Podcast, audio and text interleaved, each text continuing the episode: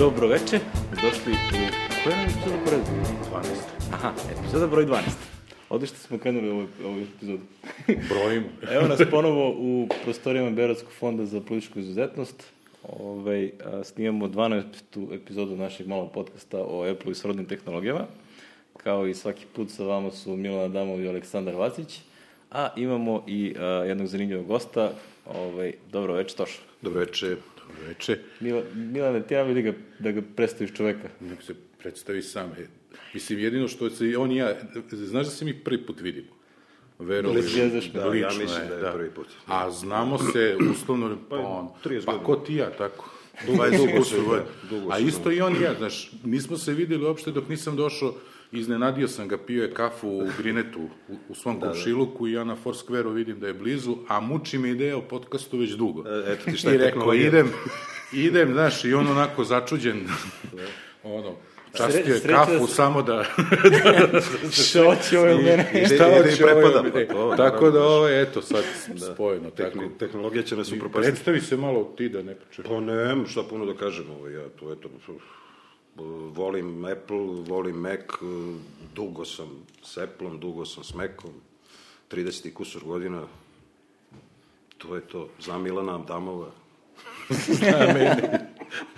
Miki, svi znaju. Koji će ove godine 50 godina. Reći ćemo nešto kasnije, ovaj, preći ćemo na, na glavnu temu epizode, znači zašto je došao ovde. Ovaj, sad ćemo da krenemo kao i, kao i uvek, vidiš što sam se brzo ubacio u tradiciju. Krećemo opet sa follow-upom, sad će Miki da Kako nam smo se ispriča. dogovorili, ja... Da, Miki dobro. će da ispriča follow-up. Ovako, imamo dva u vezi sa onim našim problemom Windows na Macu i ostalo, Da. što baš nije. Oba su sa Mac Srbija foruma, koji je često mrtav, a onda se jave dve Onda poruke. više ovaj. E, i, I oba su komentara da ni jedan, ni, ni naš drugar Miša Error koji nam je bio na, na Bini u Domu omladine, Da, da. ovaj, ni čovek sa usernameom Praksiko nisu uspeli da ovaj, nikako sa eksternog USB drive-a da dignu Windows na Macu. Ovde piše šta su sve pokušavali, a, recimo ni sa onim RF-i što sam ja pominjao, onaj buterom i to, tako da to izgleda nema ovaj... Ja samo da se nadoveže, mene to vest izuzetno raduje. Jest, pa to smem da primetim. Smeš, odlično, super. E, to su znači ta dva follow-upa. Miša kaže da njemu ovaj, i onako Windows treba samo za flight sim, za što vadi, kaže, stari 17-inčni laptop, a povremeno pali VirtualBox da pokrene aplikaciju na kojoj radi sa strane. On inače Java programe. Ne, ti nisi išto Mišu upoznao, nisi? Nisi. Dobro. E, treći follow-up je moj. Amazon mi je dao lovu. E, ovaj, e, ali to pričam samo zato, vratio mi pare ovaj, od, od nesretnog šljamsunga ovaj, SSD-a, ovaj, koga više nikad neću kupiti ništa šljamsungovo. Sad sam Zašto? se, Pa to je ovaj, sad sam se zainatio. Uh, samo za ljudi, ako se zeznete kao ja, uh, koštalo me je 900 dinara da preporučeno avionom dva SSD-a, pošto kao što rekao nisam mogao, morao sam celu poručbinu da vratim, ne samo jednu stavku s poručbine, Znači, dva SSD-a u originalnom pakovanju, 900 dinara, to je u što je uključena i poštarina i takozvani carinski pregled za izvoz. Uh, to sam uradio nekog petka, čini mi se, uglavnom za desetak dana sam primetio nešto čudno se događa sa limitom te kartice s koje sam platio. Onda sam tek sutradan dobio e-mail od Amazona da su oni dobili i da će mi vratiti pare i dva dana posle toga su mi rekli pare smo vam vratili, očekujte da budu na računu za dva, tri dana.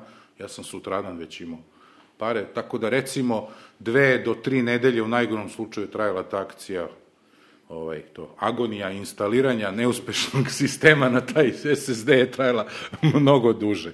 Eto, to je ovaj, to nam je follow-up, bili smo brzi ovog puta sa follow-up. Iznenađujuće brzi. Iznenađujuće. Ja sa Amazonom isto sjajno iskustvo imam, meni su, par stvari mi je nestalo, posebno u Francuskoj, tamo navodno je taj, to francusko čvorište za Evropu u Parizu se nalazi. E, znaš gde se nalazi? Je Sad ću ti kažem. Pazi, ja Ja kad bio- odem u 4D ja na, na klišiju, na jeste 4D bili u Parizu, deli zgradu sa Amazonom Francuska. Znaš? Tako Ja da, te ovaj, da kažem kako su tu najveći lopovi, evo, evo, Evo, evo, evo, umesto da me, Tebi vratili pare. umesto da me sasluša lepo. da, vidiš, možda su videli tamo, ovaj, Da, da. E, navodno tu najviše ove stvari nestaje, navodno, pošto ja imao neku tu prepisku baš sa Amazonom i oni su mi, ovaj, eto tako, taj neki bajak koji je bio zadužen za mene, ovaj, vjerovatno bio raspoložen, pa me obavestio.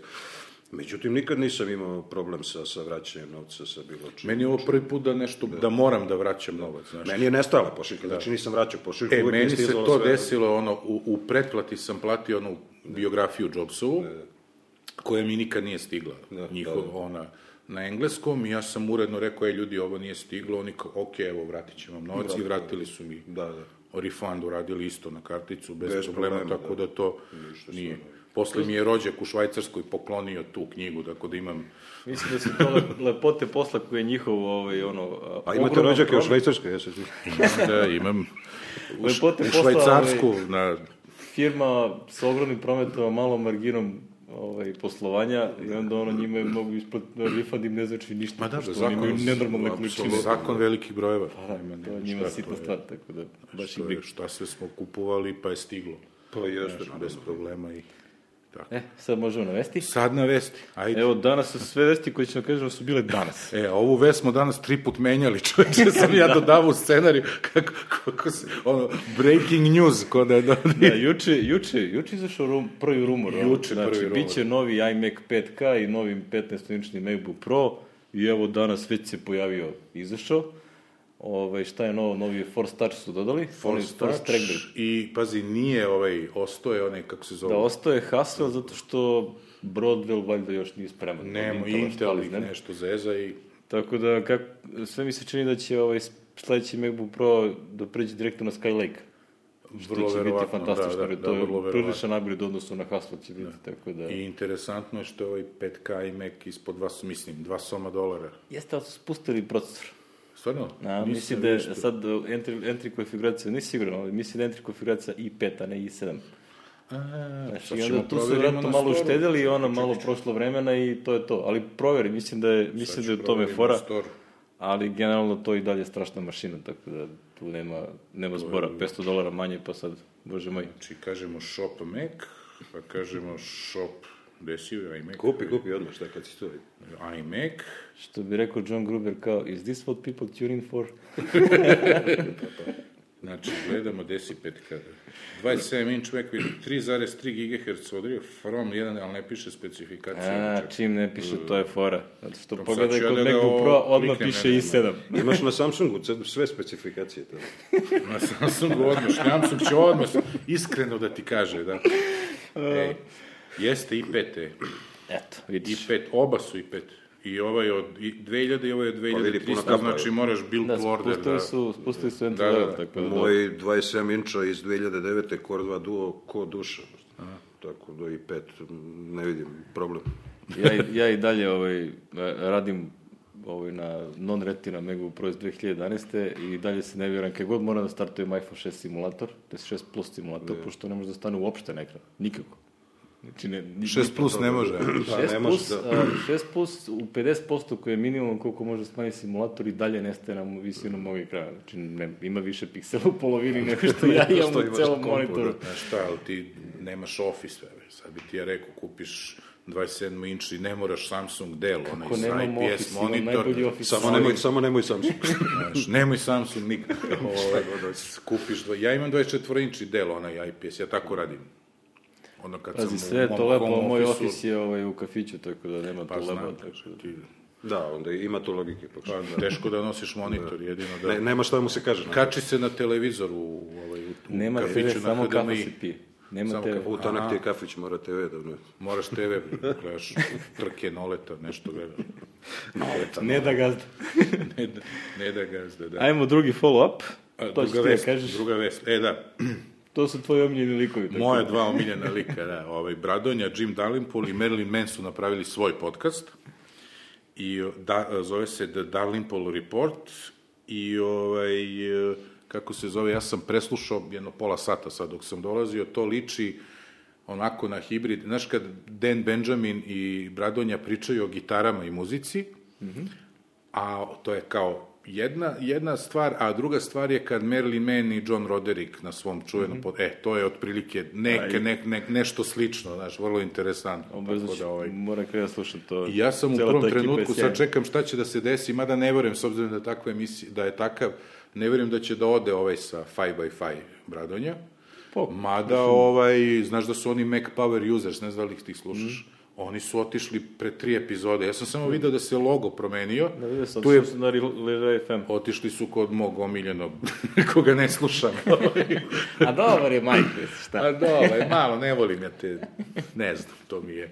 Ne, ne, na što tražim razlog da smanjim broj podcasta koje slušam, pa onda, onda mi ovaj zamerio mi se. Pazi, ako izbaciš celu Lira FM mrežu, onda izgubio da. do dve trećine onoga što inače postoji. Tako. Ne, ne slušam ništa kod njih. Čak sam prestao i onaj bivši prompt ili ti sad connect, e, onako pretplaćen sam i samo vidim šta je tema i rekao neću, znaš, neću. Ako je neka interesantna, slušam, ali uglavnom ne slušam, znaš, jer ono, slušam samo zbog ovog Vitičija slušam, inače. Federico. da. Eto, to je druga vest i sad će Alek da nam priča šta si ti radio s ove dve nedelje sa tvojim satom novim. Da, maltretirao to ti nam objasni. To ti nam reci. Maltretirao se za sve pare, znači. Mislim, ovaj, Watch uh, kao sprava je onako, ništa nisam pretrano ni iznenađen, niti ono što, da kažem, razočaran, znači tačno ono što sam očekivao da će biti, to i jeste. Znači, Watch je super kao uh, remote pristup do telefona u situacijama kada ti ne možeš da ga dohvatiš. Evo, na primjer, danas sam vozio kola i zove me žena i onda sam se javio bukvalno nosem. Znači, ono, držim ruk i samo ono, ruku približio nosu, pritisao slušalicu i nastavi da pričam. Znači, to radi sjajno, a ima možda, recimo, pola sekunde do sekund je Bluetooth. Mi što imamo noseve, bi prošlo. Radi. Možda radi. imaš šiljati ili... Ne, može, može. Ja, može pokušaš da... ako, ako ne mlateš baš preteo. Da, dobro. o, ovaj, to, to radi sjajno. Znači, generalno, uh, fitness deo je ovaj, definitivno vrlo koristan. Znači, uh, ima onaj Znaš, ono, onaj psihološki efekt, pošto ti se na, na, po defaultu na samom onom default watch face-u se vidi to onaj koliko si puta ustao, ona tri ringa koje oni teraju, koliko si se kretao i koliko si, ne znam, exercise u toku dana. Zato ja nikad to neću kupiti. e, ima taj psihološki efekt, a to je potpuno da. Znači, ne znam, sad evo, sad je, ne znam, 9 sati i nešto, i fali mi, ne znam, tipa 5 minuta da završim exercise ring i onda kao šta bi mogu da radim, trčim u mestu, nešto, samo da ga popunim, nervira me što nije. Pranje je... sudova računa. Mislim da Miki nije to za nas. Nije za da, niz, da, nikako a, za mene. Znaš kako računa exercise? Mislim, nisam, nisam, nisam tašto siguran, ovaj, pošto nisam ništa čitao te review i ostalo, to predugačko mi da čitam, ali mislim da a, on u exercise računa ako si recimo više od 3-4 minuta u povišenom uh, ritmu sad, pošto to je jedino što može da meri. Aha, aha, aha. I onda računa, aha, nešto sad radiš napornije što ti nije uobičajeni, uh, ono, kažem, nivo heart rate u, u toku dana. Da, da. E, sad je neki exercise. I onda to računa exercise. Tipa, ako se vrlo lagano šeta, na primjer, ide sa klincima po parku i šetao se sat vremena, to ništa ne računa.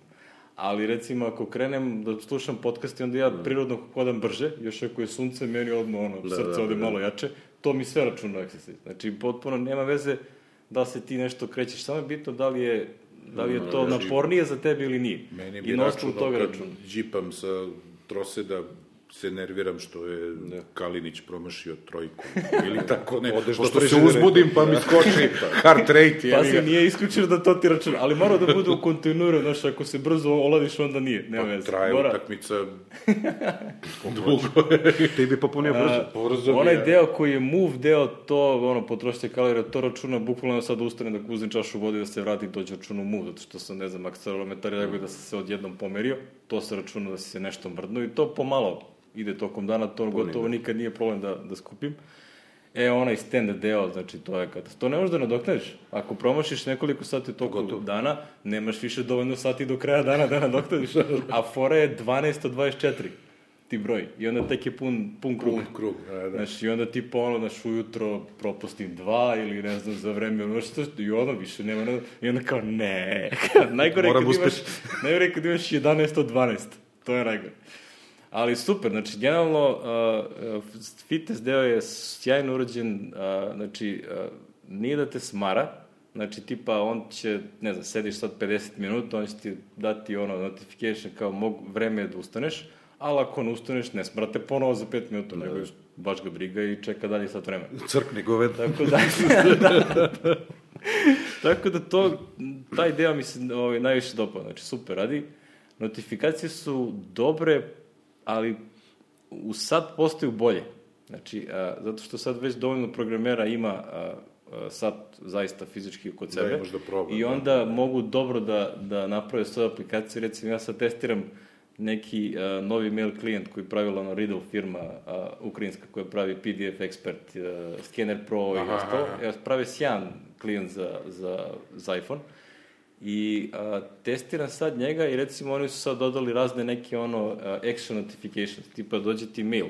Na primjer, dođe mi, ja imam nek, neko support mailove od neke aplikacije koju radim i onda, ne znam, svaki put kad ima neka greška, ja dobijem mail. I onda po subjectu vidim šta je problem i ono tipa 90% njih ne mora ni da čitam. I onda na samom satu kaže mark as read i kad dođe sledeći put od prilike nemam 10 mailova nepročitanih, nego imam jedan. Jedan, da, da, da. Znači, ima, ima razne neke stvari. Te, znači, kad dodaju dovoljno aplikacije, kad napravi watch aplikaciju koja uh, ima te actionable notifications, to će biti stvarno super stvar. Znači, što onda ti gomilu stvari ono možeš u hodu da ono Da rešiš da... da rešiš i ne nazad i onda imaš smanjiš sebi posao kad dođeš. Naravno, da Što bi rekao Tako da taj deo je sjajan. u onoj emisiji iskoristiš neko vreme koje inače nemaš. Da, da, kako je rekao, znaš, tako nešto je rekao. Bukvalno, ono. Znaš, tipa, ne znam, Pa voziš se prevozom 20 minuta, znači, znaš koliko mogu da protrči kroz ovo. Da, da, da rešiš. Tako da taj deo kad odade, to će biti sjajno. Znači ono što, a, što je da kažem iznenađujuće za mene, mada u suštini kad ono radiš nije iznenađujuće,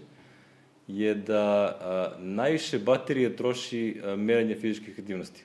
Zato što onda on, tipa ako mu ima ona workout aplikacija da ti kažeš kao je sad ću da idem da trčim 20 minuta. E onda kad mu kažeš da ćeš da trčiš, onda on uključi sve moguće senzore i drži ih sve vreme aktivno. A, pa da, Znači, logično. I onda to troši ko sumanuto. Znači, ne znam, meni generalno battery life je oko dva dana. Znači, ujutro skine sam punjač i sutra na uveče se je, o, ispod 5%. I tad pređe onaj power reserve mod, gde samo prikazuje vreme i ništa drugo. Znači, dok ga ne napuniš Dok ga ne preko toga. da, da. E, a, ako koristim workout, 10% baterije pola sata. Znači, tom brzinom nestaje. To smo već pričali, ono, vidim da spomenuo. da, da, dobro, tako da i to i dalje ostaje, baš sam testirao i to, to je definitivno što, što me ne veseli da budem ovaj, preteran, ovaj, iskren, zato što ja čekam kad će biti moguće da se prave samostalne aplikacije za Watch i da mogu da napravim ovu moju RAM fake da radi bez telefona i da samo ideš na trčanje sa satom.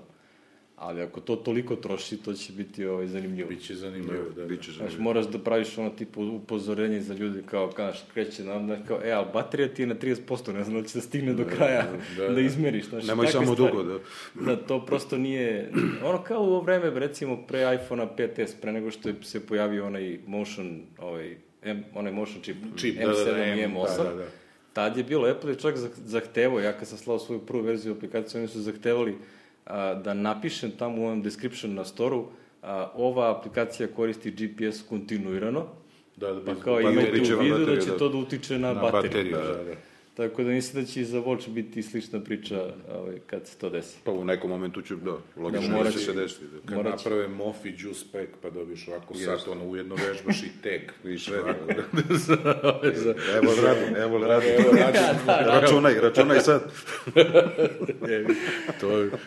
Tako da to je, to je nešto, ovaj, ono što sam dosta koristio, ovaj, super je za podcaste. Znaš kako je zgodno kad treba da ono, zaboraviš da pustiš podcast ono, u sred trčanja, ono kao jao ne, i onda samo odeš na top top, kreći dalje onaj sledeći. Ne moraš da vadiš telefon. Ne moraš da, da, da, to je. Znaš, tako da super, super za te nek, bukvalno, znači za te stvari kad nešto ti treba da samo časkom uradiš, a ne možeš da dohvatiš telefon iz bilo kog razloga. Znači, savršeno, to, te neke ono, sitni, si- sitni benefiti koji se ono, kad skupiš na jednu gomilu, onda ispadne koriste spravo. Ako ono, ima ih dovoljno da... A plus i znaš koliko je sati? Da, znaš koliko je sad. Znaš uvek koliko je sati, da. E da, jedna, jedna stvar empirijska, znači po defaultu kad uzmeš sad to oni imaju, čak oni to imaju u onim reklamnim onim forama, kad okreneš dlan, ovaj zglob, onda ekran se, uh, ako okreneš prema sebi, akcelerometar to detektuje to okretanje i onda se uključi ekran.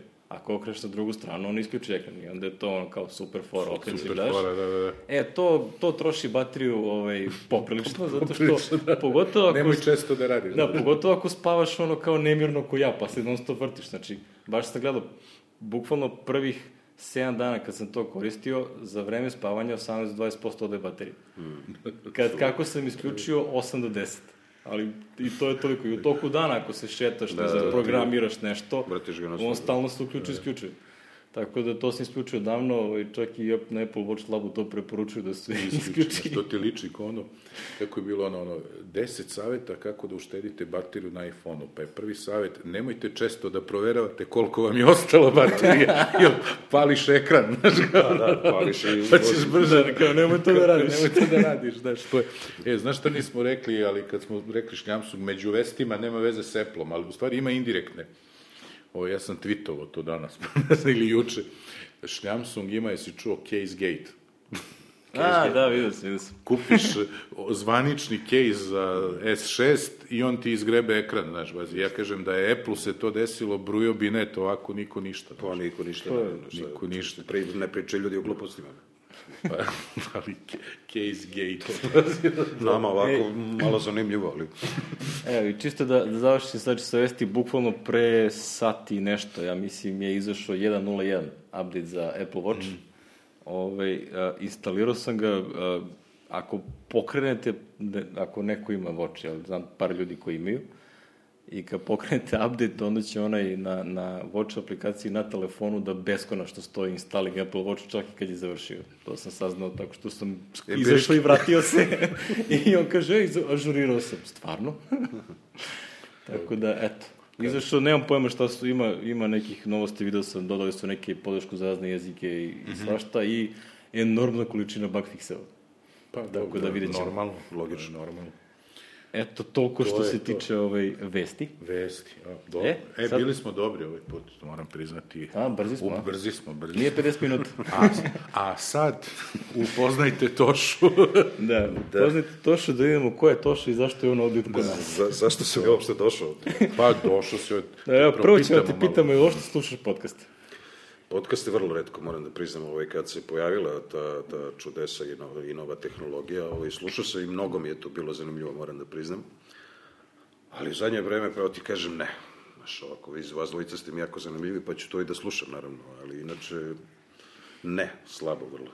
Dok recimo moja bratanica i tako te neke, ona 24 godine ima i šta ja znam, studira tako malo matematiku i šta ja i njoj, pošto je sad kod mene trenutno ovde studira u Beogradu, ovaj, pa se upoznala malo sa Macintoshima i tako dalje, pa onda jedno po jedno pokaži ovo, pokaži ono.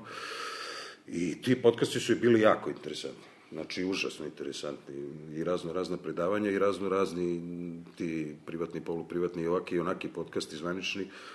To je dosta zanimljivo, tako da što mene onako poprilično iznenađuje, moram da priznam, ali eto, i ti neke njene kolege i koleginice i drugari i drugarice isto bilo im to krajnje interesantno. Sjajno. Da, Pa ono, to je klinci sjajno stvarno. I mene, klinci pravo ti kažem, žive u- iznenađuje kod tih mlađih ljudi da uopšte... Pa žive u novom vremenu, znaš, kod njih će sve da bude nekako, neću kažem offline, nego nekako, Pa jeste, ali... to je znaš, generacija koja će da živi bez radija, recimo, znaš, nemam pojma da li slušaju radio, znaš, ne, nemam da... Ali mene, mene fascinira uopšte činjenica da uh, sedi, ta generacija sedi i pola sata, 40 minuta, sat, sluš, Da, nešto sluša sluša. nešto, da, to je sve. Meni je to fascinantno, znači to moram da... pri- I da ne skače, znaš, Instagram, Facebook, ovo, ono, daj da vidim gde sam, šta sam, daj ovo, daj ono, čujem se s Perom Mikom Lazom, nego sedi najuradnije i sluša. Znači, Sjajno. da, to Baš mi je lepo onako, čuti. moram da priznam, lepo to mi je fascinantno, lepo, potpuno, čuti, fasciniralo me, da. Ali eto, valjda ta, ne znam, taj fenomen joj je zanimljiv dosta. Mislim da Tranđu kad bi pustio da bi popis, znaš, vidimo se, prijatelju, imam druga posla, ali ovo, ovo joj, znaš, Ja kad kažeš tranzistor, meni to ono vreme, sporta i razum ode. Znaš, ono, ono, ono, ono prenosi utakmice. ja sam, recimo, ja se sećam, ono, po, pomenuo smo bombardovanje pre nego što smo ovaj, Započeli da počeli snimamo. da emisiju. Pa se sećam da sam imao jedan beli tranzistor ovako, gde sam ga našao, ne znam ni ja, ja se od tog tranzistora odvajao nisam za tih 70 kusur dana. Ni ja. Verovali. Ja, Da, ja samo što ga nisam zalepio za ruku, ja u jednom momentu Ja sam sam tebe zalepio. stražario po košutnjaku i na otvorenom bazenu, imao taj tranzistor najbolji Tranzistor drug. je bio moj najbolji prijatelj, tako. Tako, isto beli neki duguljast, da, da, da, da. da. antenu da I izvuče. da, i ovi sad, ovi javljaju vesti, pe, znaš, više se ni ne sjećam ko je tu bio u mreži, ko nije, ali Da. bilo je, bilo je zanimljivo. Tranzistori. Družiti se s tranzistorom. Da, imam i onaj stari, onaj jedan sanjo koji su bili s onim kružićem, ne? Vreme, sporta i razvoj. Ništa, ne slušaš podcaste. Ne. A ono, A baš ste teli nešto me pitati. Teli smo nešto E, sada e, tu uvatimo. daj sad ne, nešto. Koji ti omiljeni podcast, podcast, pa da krenemo, pa. Jesi čuo ovo, jesi Koju čuo boju ono? najviše voli? Znaš Da, što, da. Miki, ova epizoda ide jako brzo. Pa dobro, šta da radimo, je, šta da, to je, ove, Ne, mora, žao mi je što se... sad ćemo da krenemo, sad ćemo krenemo na mekove, znaš, pa će, A, tu, to će tu će potresati valjda malo se raspriča, je, Dobro, pa malo ja, ne volim puno da pričam. Kad si se prvi put sreo s mekom? Nekad si kupio, kad si se sreo, ne se sećaš to? Pa ne bi Da si ga video, da, da ti nešto... Ja mislim, to je nek, kasne 80. šesta, sedma, osma, ne, slagaću vas sad, ali tu pre 90-ih je bilo, prvi sam i nabavio čak moj lični, znači da je kod mene, ne da radim na njemu i da ne znam šta radim, ovaj, ja mislim da je to 7 i 100 ili 7 i 300 je bio, pa nek čini mi se. Da, to je da. 90, To je- je 94. Nije ih bilo pre. To ja, je da, neko, ja da. mislim da sam tad ga ovaj, uzeo i da ga imao sam kao svog ličnog meka, eto, to je, ali ranije dosta sam se sreo, nisam imao naravno niti para, niti da kupim, ali eto, to je to. I nekako, pravo ti kažem, logično mi bilo, znaš, prvo je bio Spektrum, normalno, ovaj, onda Amiga. Amigo, a? Amiga, da, ja sam Amigaš, Atari je, da, Atari je Ja sam Atari. Atarista. Amiga je. 500. Ali, da, Amiga Ja 500, sam ali. Motorola i taj neki, znaš, Da, da. drugačiji malo svet od ovih kerova. Je li Windowsa, imala to- Amiga emulator za me? I kako ne, da. A, ne znam, ne znam. ne Da, znam. da, da, da. Međutim, ja imam ja imam 1200 igram fliper i dan danas, tako da. Aha, Naravno. super. Fliperčina, kako se zoveš. Uf, ne mogu setiti. Bilo je tri verzije, tri, tri verzije sa po tri stola. Imam sva tri i na Migi isključivo da u televizoru svoj, sada veliki. Da, Tad je da. bio mali. Ovaj, Kad je bio... To je super, I ja to sam ono, 36 ja sam ne inča, nego ja sam imao santimetara. Amigu 500 Da. i onda sam imao dve godine otprilike i onda smo je prodali Ćelo otvarao firmu i trebao mu je faksa. Faksovi su koštali boga oca. Jeste, se, si ja pola- da. Polovan faks je bio 1600 marka. Faksko klima je, skoro košta.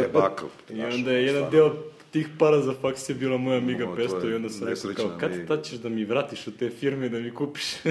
kupiš. Ja se sećam, znam, sad kad si pomenuo te faksove i čuda, ja sam recimo Blizzard karticu za Amigu sa bržim procesorom, ona čuvena neka kartica sa procesorom i nekom memorijom, nije bitno za tu Amigu 1200, oko isto 1100 ili 1200 maraka platio tada, znači to je sme, onda RAM, ne mogu se setim, to tek za Meka kad je došao posle iskazi ova čudesa okolo, Ne, ne, Ram, Ram je bio, ja sam kupao za Atari, meni je Čale donio iz Singapura, Da, one čipove, i onda mi je neki drugar lemio ploču, pa smo, znaš, CD Amiga je isto vozači mogla, isto. mislim da je bilo Ja se sećam, CD je bio 15 maraka. To se seća, Da, prazan CD, prazan, 15 da, da. marona. Pa ti se Ja vreži sećam. kume.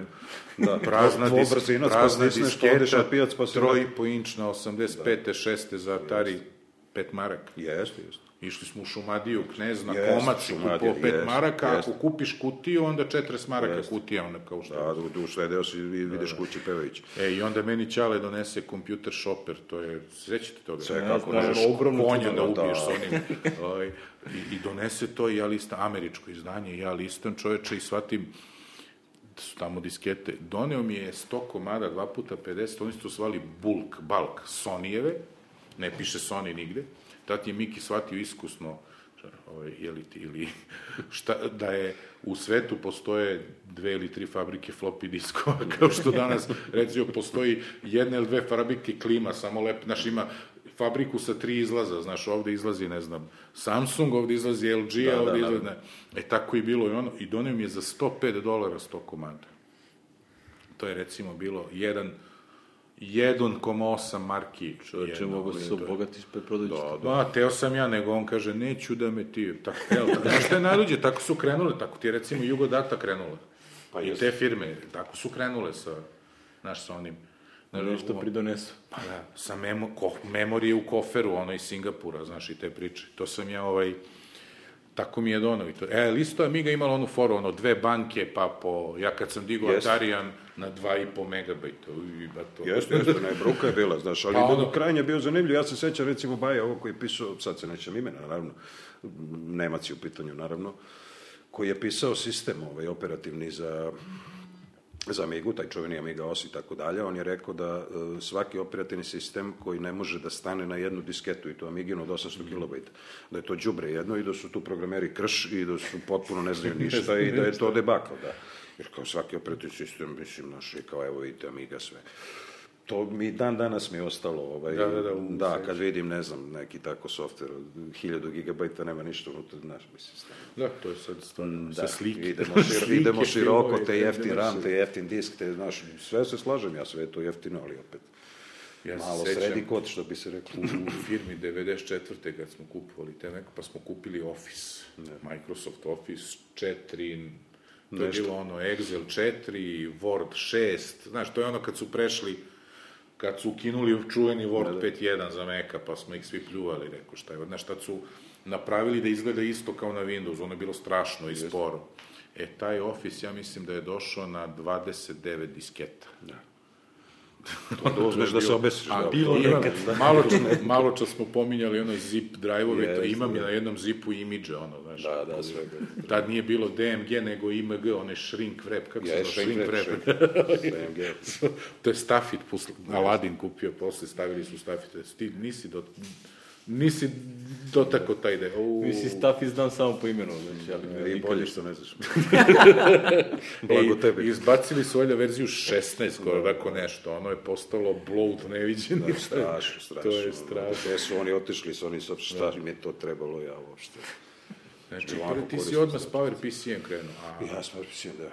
Bio sam taj, taj isto, taj je bio Motorola 30, ovaj, ja mislim taj sam Amiga, znači onda posle Power PC, ali sretao sam tako razne stvari. Usput posle krenuo, eto taj malo, šta ja znam, to me zainteresovalo, taj video film levo desno, pa sam onda... E, to kako si u tu priču Da, pa me- tu priču, eto, spontano, ne znam ja, ide krenuo se bavim time. Zanimalo, imao sam dosta vremena i ovaj, naučio svašta nešto. Kiš. I Počela onda kiša. Počela, da. Ako čujete kišu tokom narednog To je da, ne plačemo mi, nego pa da ne plače Ne gost, plačemo, ne da. plače gost, nego počela je kiša. Ovaj, I onda krenuli tako, krenuo to, video film levo desno i održavao te sisteme, radio po nekim studijima, uglavnom postavljao sve te moguće sisteme bazirane uglavnom na Avidu, tad je Avid za ove koji ne znaju, isključivo na Macintoshu radio, znači nije teo da prismrdi uopšte. Na PC, da. pravama, da. Tad su bila, bili ozbiljna firma, da tako kažem. I, ovaj, i elem, eto, to jedno po jedno, drugo, treće, ne znam kome, svima, kusturici gore, ovima, onima, sve, sve, uglavnom video studio sam ja to vezivo, bio ekspert za to. I I kusti gore kod hrama. kod hrama. I uglavnom, ovaj, isto ovim nekim, što ja znam, tad su u to neko vreme, koje su to godine, ja preostao tanak sam s godinama jako, ali ajde, možda ćete vi da se setite, dosta ovih studija za reklame i ovi advertajzeri počeli su se otvaraju, što ja znam, Aha, pa to je onda to. i oni su došli, onda ajde kao i oni mekove, pa sam onda i njih ovaj, držao. Štamparije slabo, štamparije držao, drugi ljudi su radili štamparije. I tako. I onda je krenulo polako, sad dolazimo na verovatnu temu zbog koje ste mi vi izvali. Da, Krenuli su, da. krenuli su izvesni problemi sa naplatom ovaj, svojih usluga i ti problemi su nastavili da traju, što je lep običaj kod nas. I ja sam došao u jednom momentu sa svojih koliko godina, ne znam ja više, 30 možda, da jednostavno jedan dan se probim, nemam pare za cigare, a sve sam, Bog zna kako pametan, mnogo i tako radim fin posao i šta ti ja znam. I ja ništa od jednog drugog studija, to te studije, da tako kažem, nisu, nije držao baš fini svet, Da, da, da. da, ovaj, da se tako izrazim. I uglavnom imao sam eto probleme pri naplati, jedan ovako, ajde, zgoda, ako ćete da vam kažem. Dođem ja kod njega u kancelariju, rekao su šest, znači te, te pare levo desno trenira. E sad, primjera radi, recimo ja dođem, vežem ceo studio, taj ja vidi, tako dalje, sve, znači pože sprave, bete, software digne, meka, namestim sve, sve, sve, sve, sve to odradim, uzem 500 maraka, recimo, za to. To ti je, Avid je imao svoje predstavništvo u Švajcarskoj, tad jedino u Evropi, iz, po Americi su imali da hoćeš i u Švajcarskoj, u, u, po ugovoru sa Avidom koji imaš, u prvi godinu dana oni dođu jednom ili dva put, čini mi se za dž, na osnovu toga što si ti kupio njihovu spravu, treći put ako ti se nešto što desi, nema problema, oni su obavezni u roku od 24 sata ti pošalju Da reaguju, da, da. da reaguju odmah, jer naravno sprave su kupovane isključivo za filmsku produkciju i to, i, prave se pare, su da, koštale su ko sam đavo, to je išlo i oko milion i po maraka je koštao ceo taj sistem i tako. Međutim, taj ti neki treći, četvrti, peti put, već kad ti se nešto zaglavi, zaglavi se, oni nemaju problem nikakav, dolaze u oko 24 sata, 50.000 maraka košta da njihov baja dođe i da ti namesti kvar, koji god da je. Da li je softverski koji će namesti za minut, ili je hardverski koji će da šilji šarcigerom ceo dan, to nije problem. Tako da, šta hoću kažem, tih mojih 500 maraka Nije, u odnosu da, da. na to je da, s obzirom Da. da, niko drugi se time nije bavio, Pop već nije imao ni vremena da se time bavio, ovaj, on je otišao neke druge priče, tako da ovaj, nije bilo ništa. Posebno za tu ekipu vlasnike tih studija koji su imali stvarno puno. Međutim, kerovi koji svi drugi, i sad ne dam, ne dam, i ja eto tako dođem jednom naši, rekao, dođeš mi para levo, desno, žena, deca, kući, znaš mi se stvarno nema smisla i tako. I rekao, evo, ja sad kao šalu, došao sam taksijem, taksista čeka dole, i rekao, ja nemam da mu platim, znaš. Misliš kao šalicu. A on stao, baja i gleda me onako i kezi se, što si došao taksijem kad nemaš pare da se vozi. ja rekao, tako, tako, ok, ja odem pozadi u počupao sam sve kablove, sve živo, diskove povadio, meka unokazio, sistem sve, izašao na rekao, vidimo se, izašao napolje, bacio taj telefon, mobilni cigla, jedna Alcatelova ovolika, koju sam imao i tad je nastala drama, mogu da vam kažem, velika u Beogradu, jer čak ni ovi s kojima sam bio fin, ni njima nisam teo da se javim. Da se javiš, da, da, da, da. više nije imao ko da to popravi, namesti ili šta god se već desi. Ovaj montažer dođe pa naravno propasti i tako. I onda ovaj, iz tog očaja u sledećih nekih 3-4 meseca mene slučajno neki moj virtualni prijatelj iz Japana zamoli da ja njemu objasnim kako da iz nečega u nešto konvertuje neki video i da napravi DVD. Ja mu sad krenuo da mu objašnjam, naravno, na što uzmeš iz ovog, ovo, ovo, ono, i sve polako nabrajam i tako dalje. On kaže, aj, molim te, kako, kako, ja vidim, on ne zna. Ajde, možeš ti to meni napraviš neku skriptu, ovo, ono, ja, ajde. Dignem ja skriptu, onda od skripte ode, ovaj, rek, pokreneš skriptu sad terminal, ovo, ono, pokreneš, to sve će on to ti odradi, super. Prođe pet dana, daj sad mi dugme napravi. Kako rekao, dugme ti napravim. Ja prvo da, treba svi znaju, ja nisam školovan programer, naravno, u životu. Nisam ikada razmišljao ću se baviti. Ko je rekao, dugme, kako te dugme snašlo i tako i ja ide. Da, ja rekao, aj sad ću ti napravim dugme, ajde ja x kod sedi, uči, gledaj, pojma, blagi, razumeš veze, ne. Prvi put vidim, bre, ono. Ali eto, tako to je išlo. Jedno po jedno zainteresovao se, moram da priznam da se zainteresovao i prvo svoje dugme kad sam to čuveno napravio, ovaj, bio sam presrećan kao da, da, kao se popao na Montereves, mislim, to je potpuno meni fascinantno bilo.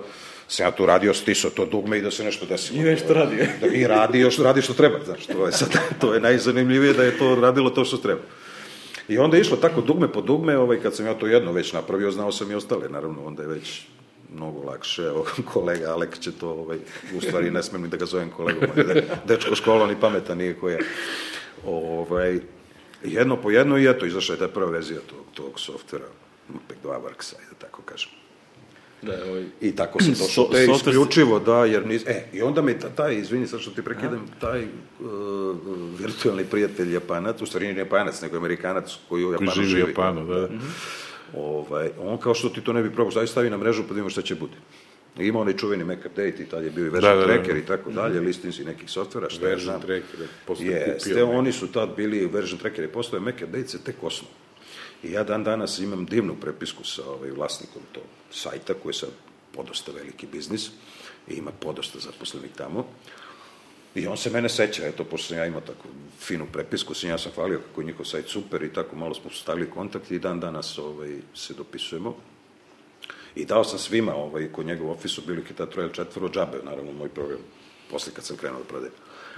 Ali bilo je taj prvi dan, ja sam stavio na mrežu i roko dva dana neki 40 i nešto iljada downloadova je bilo, što je onako bilo potpuno fascinantno. Da, da, da. Meni potpuno fascinantno. Znaš, rekao, ljudi, da li... Ko su svi prvo- ovi ljudi? da li je pro moguće da ovo nekog zanima uopšte? Da, da, da. Ovo sad.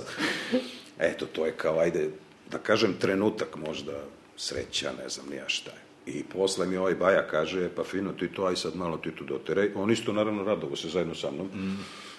Ovaj, I ajde kao da ga prodaješ. E, tu su onda krenuli debakli. U kom smislu debakli? U smislu debakli. U smislu naplate ili tih 40.000 nije telo da izdvoji? Ne, ne, nema kakve nije telo da izdvoji, nego u smislu naplate je bilo. I sad, naravno, pošto toga nije bilo ovde, ja nisam to imao koga ovde da pitam, nisam se družio sa ljudima koji se bave time preko, ja se družio s nekom drugom vrstom virtualnih prijatelja, koji su se bavili nekim drugim zanimacijama. I uglavnom, ovaj, ja kao aj sad da proučim ja kako to ide. Znaš, sad ja znam tamo imaju neke radnje i nek, odeš kupiš softver, to je meni jasno. I imaju ljudi svoje sajtove, prodaju softver i sad kao odeš kod njih na sajt i kupiš. Meni prvo bilo, znaš, onako malo glupo, ja sastavim svoj sajt i sve to, ok, napravit ću, nije problem. Međutim, zašto bi neko došao kod nekog baje koji je tu stavio svoj sajt i nešto ukucavao kreditnu karticu? To nije bilo suludo da će neko da uradi.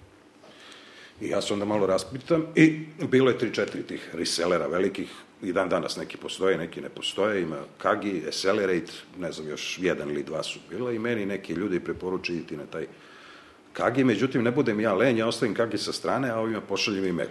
Ja rekao tako i tako, ima kontakt as, znaš, ja mm. kontakt as, Nije ono bilo sad ko na Spotify odeš na pravi akaunt i vozi, brate, šta god hoćeš. To, da, da. Ma kakvi, pa to onda mail, pa... I ajde Javiti njima se mail. živ čovek. A? Javiti se živ čovek. ajde, mail. Taka i taka stvar, imam software, dobro. Vrate oni meni odakle si, ja vratim njima Beograd, Srbija. Vrate oni me, žao mi je, levo, desno, vi po našim zakonima i dalje ste ovi pod sankcijama naš. Sad, 2003. Da. To je druga stvari bila. I dalje ste po sankcijama i dobro. Ja dobijem ta tri maila od njih, pošaljem na kraju Kagiju. Kagi meni isto, što i svi, američka firma. E, onda u tom momentu ja sednem i sastavim jedan onako poprilično nepristojan mail, moram da priznam, da im se napsujem svega i svačega, kako su nas bombardovali, kako ovo, kako ono, već besan koristu, gladna žena, deca, ja sad smislio priču, lep softver, ovo, ono, vi mene sprečavate da ja zaradim, a juče ste nas bombardovali. Neka glupost, onako, ali izašlo sve jednostavno iz mene na naravno perfektnom engleskom. I ovo ja dočekao pet minuta da sad, znaš, nekom kažem šta mi je na duši. Elem, da, da, debakl. Elem, ne prođe deset dana, meni mail od Katja after reviewing your application levo desno, mi smo ipak odlučili da s vama radimo. Rekao, super, ste Napravit ćemo, super. one, kako mi nemoj na Amazonu, rekao, one time exception. E, one time, verovatno je bilo i to, morao bi da nađem prepisku, ali, znaš, onako, kao čine mi uslugu, ko 100 kila zlata mi daju. Ja rekao, super, divni ste ljudi, ovaj, ajde šta sad, onda ništa, kopija pasoša, mog majčin, oče, pasoš od brata, od tetke, nema, ne znam šta su mi sve tražili, sve sam ja to naravno najvrednije poslo, ne može mailom, mora sve u sandučetu overeno kod kako se sad to zove, ne znam, nekad Notar. se zvao valjda sudski tomač, sad su ovi da, da ne bi ih pominjao. I uglavnom, ovaj, Sve, I počeo mi lepo da radimo, super. I sad se to, sad ljudi prodaju, ni nisto naravno bili neke, neke pare stvarno, ovaj, vrlo je bila onako pristojna zarada za to vreme, ali da ne misli neko se zarađio milione, daleko od toga. I s obzirom da je software koštao 10 dolara, mislim to. I Mac, tada Mac korisnika je bilo naravno neuporedivo manje. Bilo manje, sad, da pre nije bilo još Intel switchera. Ovaj, tako da, ali međutim, to je neke pare i sad to, ja, znaš, oni meni treba jedno mesečno to, te pare da pošalju, da mi daju. Da, da. međutim, kako oni meni sad pare da daju? Znaš, sad, kako da mi da... Ja u banku objasnim problem, žena zove šefa, šef zove šefa, ne znaju o čemu pričam. Znači, ne da, znaju da, da, o čemu govorimo. Ne znam. Ne Mnogi ne dan danas ne znaju, da, samo da ti ja kažem. Mnogi dan danas ne znaju. ne razumeju moj jezik. Ja ovo vidim koliko je sati, nema ono kakvi Paypal i ta čuda, to nije postojilo uopšte. Mislim, jako je postojao Paypal, nego se možda je postojao. Postoje, postoje. Ja postoje. Sam se... E, onda ništa drugo sam Paypala nije postojao. U Portugalu prijavio, dan danas mi se vuče neka portugalska adresa na Paypal. Nebitno, ali znam sigurno da nije radio ovde, nije pod razno, ni sa onim hrvatskim prijavama, slovenačkim, nikakvim, znači nije šansa postojala da radi, to znam sigurno. I ovaj, banka ne, ne zna o čemu pričam uopšte, I ja ništa kući ovima pismo, kaže, možemo mi tebi ček da pošaljemo. Rekao, pošaljite mi ček. Tek si onda imao problem u banci. Ja, u banku, naravno, stigne meni ček. 21 ja banku, dan ili tako. 21 dan. Tako, da, da. Gleda žena šta je ono. Pazi, 21 dan da ti odgovore da će da Ja ti se daju pare. sad, sad, čuveno pitanje. Ja se izvinjavam, je li ovo bankarski ili korporativni ček? Ja rekao, molim. sad ja nju ne razumijem. da, da, da, kao šta već. Rekao, ja ne znam šta je, ima tu rekao cifra, to daj ti meni pare. No, mislim, u tom stilu, naravno, krajnje ljubazno. I onda je trajalo, ovo što kaže Miki, ovaj, trajala je procedura čitava 21 dan, tako da pare su stizale, naravno, sa tim zakašnjenjem i tako, uz reviju u bankama sa ovim šalterskim službenicama. Tako, bilo je dosta zanimljivo, Dosta moram da zanimljivo. priznam da i dosta kilavo. I onda se desila isto jedna zanimljiva stvar, a i to bi vas možda zanimalo, možda i ne bi. Zanim, u svakom slučaju, Da, sve nas zanima. Postalo je to kao baš jako popularno, ovaj, po- popularan program bio, aj sad, da, da ne budem lažno skroman, bio, bio je i dobar je softver, bio radio to što je radio, uglavnom video softver neki za pravljanje DVD-ova i tako, enkodiranje u MPEG 2 i gomilu alatki za manipulaciju. Evo samo ti prekid, znači evo našao sam na Mac update, znači MPEG 2 Works 354 iz januara 2005. Je li to poslednja verzija? Ne, ne, ne, to je je Što verzija ne znaš šta sam 354. našao? Da, da, da, nešto Ne, piše sad se ono. zove video ambush. Ne, Da, to, da, to je to okej je- novo, ali to je ono pod, To je staro. pod To je starim staro, imenom, da, to je po to. starim tako. imenom MPEG 2 Works 3, to je prvi. prvi Ja baš rekao da im da ono history, pa da im tačno kad je izašla to prva ti je verzija. prvi, prvi, prvi, prvi, prvi. E sad ja ne znam da li imaš tu prvi kad sam ga objavio, prvi, prvi. E, pa to sam baš gledao, nema, nema to je- history verzije, tako da šteta. Nema, šteta, da, ali ja mislim da sam isklonio, to sam obrišao, sam pravio novi akaunt, to može se desiti. Imaš Ovo- i za MPEG 2 Works 4 novi akaunt i sad za video ambush je novi akaunt. Da, da. Sad je Cool. rebrandovano, što bi rekli. vi- Rebrandovano. Vi mladi, da Mi sam je rebrandovan da. sad. Rebrandovan. Ne, ali o, ovo je totalno cool, znači potpis sad ono kao More Ups i ono autor Toša Serbija. Bože, da, da, da. E, da, svuda, to, svuda Serbijan, poznat tako, da. Serbijan mi je ostao nik sa još AFC-a, sa studentskih mreža. Mreža, ja sam da. uvek bio Serbijan, da je pre, pre interneta, ajde ako neko ne zna šta, o čemu pričam, Miki zna. Mi smo pričali o tome, pa smo bili kritikovani što idemo toliko u praistoriju. Ali dobro, ne, od tad mi je Nik bio i nisam imao nikakav problem i zadržao sam i niko živi, pa ni vas dvojica ne znate kako se ja stvarno zovem, tako da ne, ovaj, Ja nemam, sam jednom čuo, ali sam odmah zaboravio. Zovem se isto kao ovaj, tvoj kolega Aleksandar se zovem, ali ovaj, niko, niko ne zna i pod Toša Srbijan sve na mreži radim, što radim, sve Je radim. kao Toša od Tošić ili... Todorović. A, Todorić. Eto, vidiš. A, saznali smo. Saznate sve. Pazi, sad imaš referencu, ono da kažeš, preslušajte 12. epizodu onog podcasta, otkrićete sve. E, ali ovo, što ti kažeš, mno, pojedini nas još drže kao da su sankcije, nisu Evo, ažurirali. Miki se nisu pre par epizoda se žalio na na Backblaze. Backblaze isto. Pa da, verovatno. Onaj online I backup software. ovaj, da. kad da. sam kupovao ono Expression Engine, onaj nesretni, Da, da. kupio sam još jednu, kop- ovaj, još jedan broj prošle godine, recimo, i dalje je problem ono kao Srbija plaćanje, onda je opet ono one time exception da bi mi uzeli Kao, pare. da, znaš. da, da, je to To- mnogo učinili smo zašto, da. kao ne možemo s vašom zemljom, zašto čovječe, prošlo je... To meni liči otprilike oni svaki 15 godina otprilike proveravaju Nešto da se nešto promenilo. da. Meni su negde, ja mislim baš na tome Accelerate-u, ja posle, ovaj, ajde, ako budemo pomenuli taj drugi softver koji se radio, ovaj, oni taj moj kolega iz Amerike, on je na Accelerate otvorio akaunt i onda smo i preko Accelerate radili. I onda ja s njima kad sam komunicirao, rekao, ljudi, ja sam odavde, ja hoću da stoji Srbija na listi, ni- niko odavde neće kupiti, odmah da vam bude jasno, jer ću im Ali dam da- džabe, to sam im da, rekao, da. da, ali treba da Ali stoji. rekao, hoću, stoji na listi. Da, da. I sad dok to ono, baš ovo što Ale kaže, jo, pa mi to deset godina, Da, da, ne mislim, menjaju ono, osnivanja firme, Tek to, da. Da, Znaš, i sad kao je, vidiš, dobro si nas podsjetio da malo ažuriramo, znaš.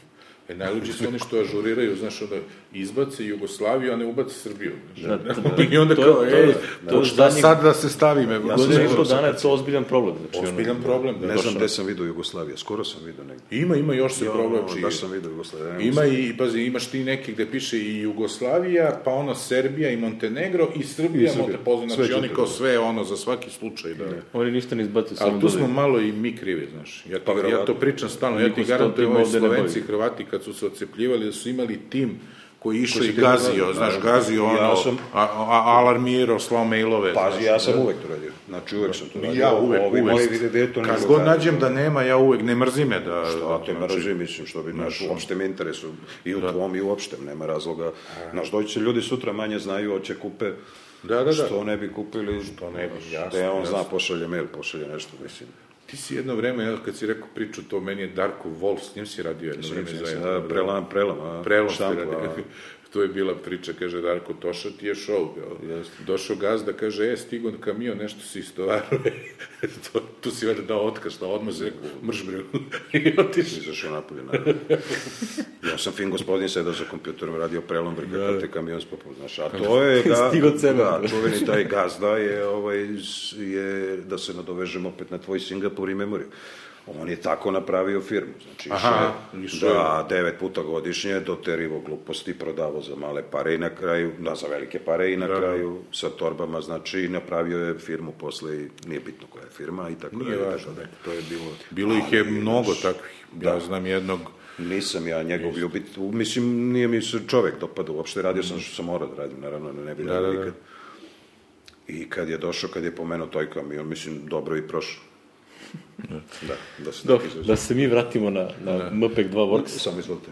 e, a kako si ga pisao si ga u X kodu i kažeš skri, Unix Kod skript. bio je e, u početku Apple script isključen. E, isto, da, a, to je, to je, script, pa da, pa to sam naučio, znaš, ne, ne mogu ja sad baš da odmah na C, malo mi je bilo onako. A si zvao ove, šta si, neki binary si uzao, ono, FFmpeg, nešto si imao ne, ispod ili- FFmpeg nikad. FFmpeg, da, to je već neka druga priča, imalo je onako tehnička i ne bi vas time stvarno da, sa FFmpeg nikad nisam radio i neću da radim. I dalje insistiram na tome i u svi ovih 99% shareware Ovih konvertora, da. da, ja isključivo, znači QuickTime me interesuje jer je to video filmska tehnologija koju ljudi mnogi ne razumeju. Ne razumeju, Ljudi da, da. tretiraju QuickTime kao player, što nije, naravno. Nije, nije. A da sve ono ispod što se vrti, sve te slike, to ide preko QuickTime frameworka i svega i svačega, tako da... QuickTime ima mnogo lepih stvari. Mislim, Jest. pazi, ja sam u bazama to koristio, verovo ili ne. Imamo moja braća Grci 4D distributer za Grčku. Deo posla je moj drug Danis, s kojim se viđam svakog leta, što letujem u okolini Soluna. On je pisao pluginove za da u 4D-u imaš kontrolu gde puštaš film. Da puštaš sve film, i ovako sve. I on je imao, kako se zove ono, Atom u QuickTime. Jeste. Znači, bukvalno možeš da definišeš svoj objekat pošto 4D nema objekte, ne znam da me razumeš šta nije, imao je blobove, znaš, ali nije imao objekte, možeš u QuickTime-u si mogu da napraviš to i da tako, znači koristiš plugin koji sluša, i bio je kao QMedia Lite koji je bio besplatan, znaš, da bi mogao pustiš film, da bi kupio QMedia Pro koji ima sve komande QuickTime-a, mogu se edituješ film u 4D-u, mislim, malo je glup u Vrlo bazi, ali znaš, Vrlo nije je, vrlo je tehnologija... tehnologija da je okej. Opasna, mislim, Opasna, da. super je tehnologija, naravno, niko je, znaš, i onda je lakše ljudima to kao, ajde, FFmpeg i sad, pošto su ljudi u zadnje vreme, to posebno taj neki mlađi svet, neki čudan svet, ne znam, ja to tržište se onako, do, pri, pričao sam s jednim prijateljem koji ovde radi isto, ovaj, on radi za Nintendo, pravi svetove za njihove 3D igre, e, niko naravno živi, ne znam, za njega ovde niti treba da zna, on dečko radi svoj posao, fenomenalno, išao je na kongres prošle godine u Japan, je išao u Nintendo, sreo se s tim kolegama i šta ja znam i onda mm, ja sam slučajno što vidim s njim i sad on mene pita kako tvoj softver, ja njega pitam kako tvoj biznis. I onda smo došli do zaključka da se jako tržište promenilo, čak i Japanci sa tim Nintendo čudima, malo su se i oni po- po- pogubili, jer Pogubili, da, da. tržište reaguje po meni tržište je mnogo bezobraznije iz meni potpuno nepoznatog razloga, svet je mnogo gluplji, is- isto takođe nepoznatog razloga i mnogo su brzi. Ovaj. Tako da, da se vratimo na podcastove, ovaj, to što neki mladi ljudi uopšte sede 40 minuta, sat vremena i slušaju. Nekog sluša. Meni Da, je da. to fascinacija, Da, da, da, ja ih volim najviše na svetu. Da, da, da, to je, znaš, A ovo sad, znaš, samo da i brzo, da i brzo, da i brzo. Ja se sećam taj rendering kad se radimo na Avid, pa to ostaviš sad, dođeš u petak da vidiš da li je gotovo, znaš, mislim. Da, da, da, da. I sad nije bio problem.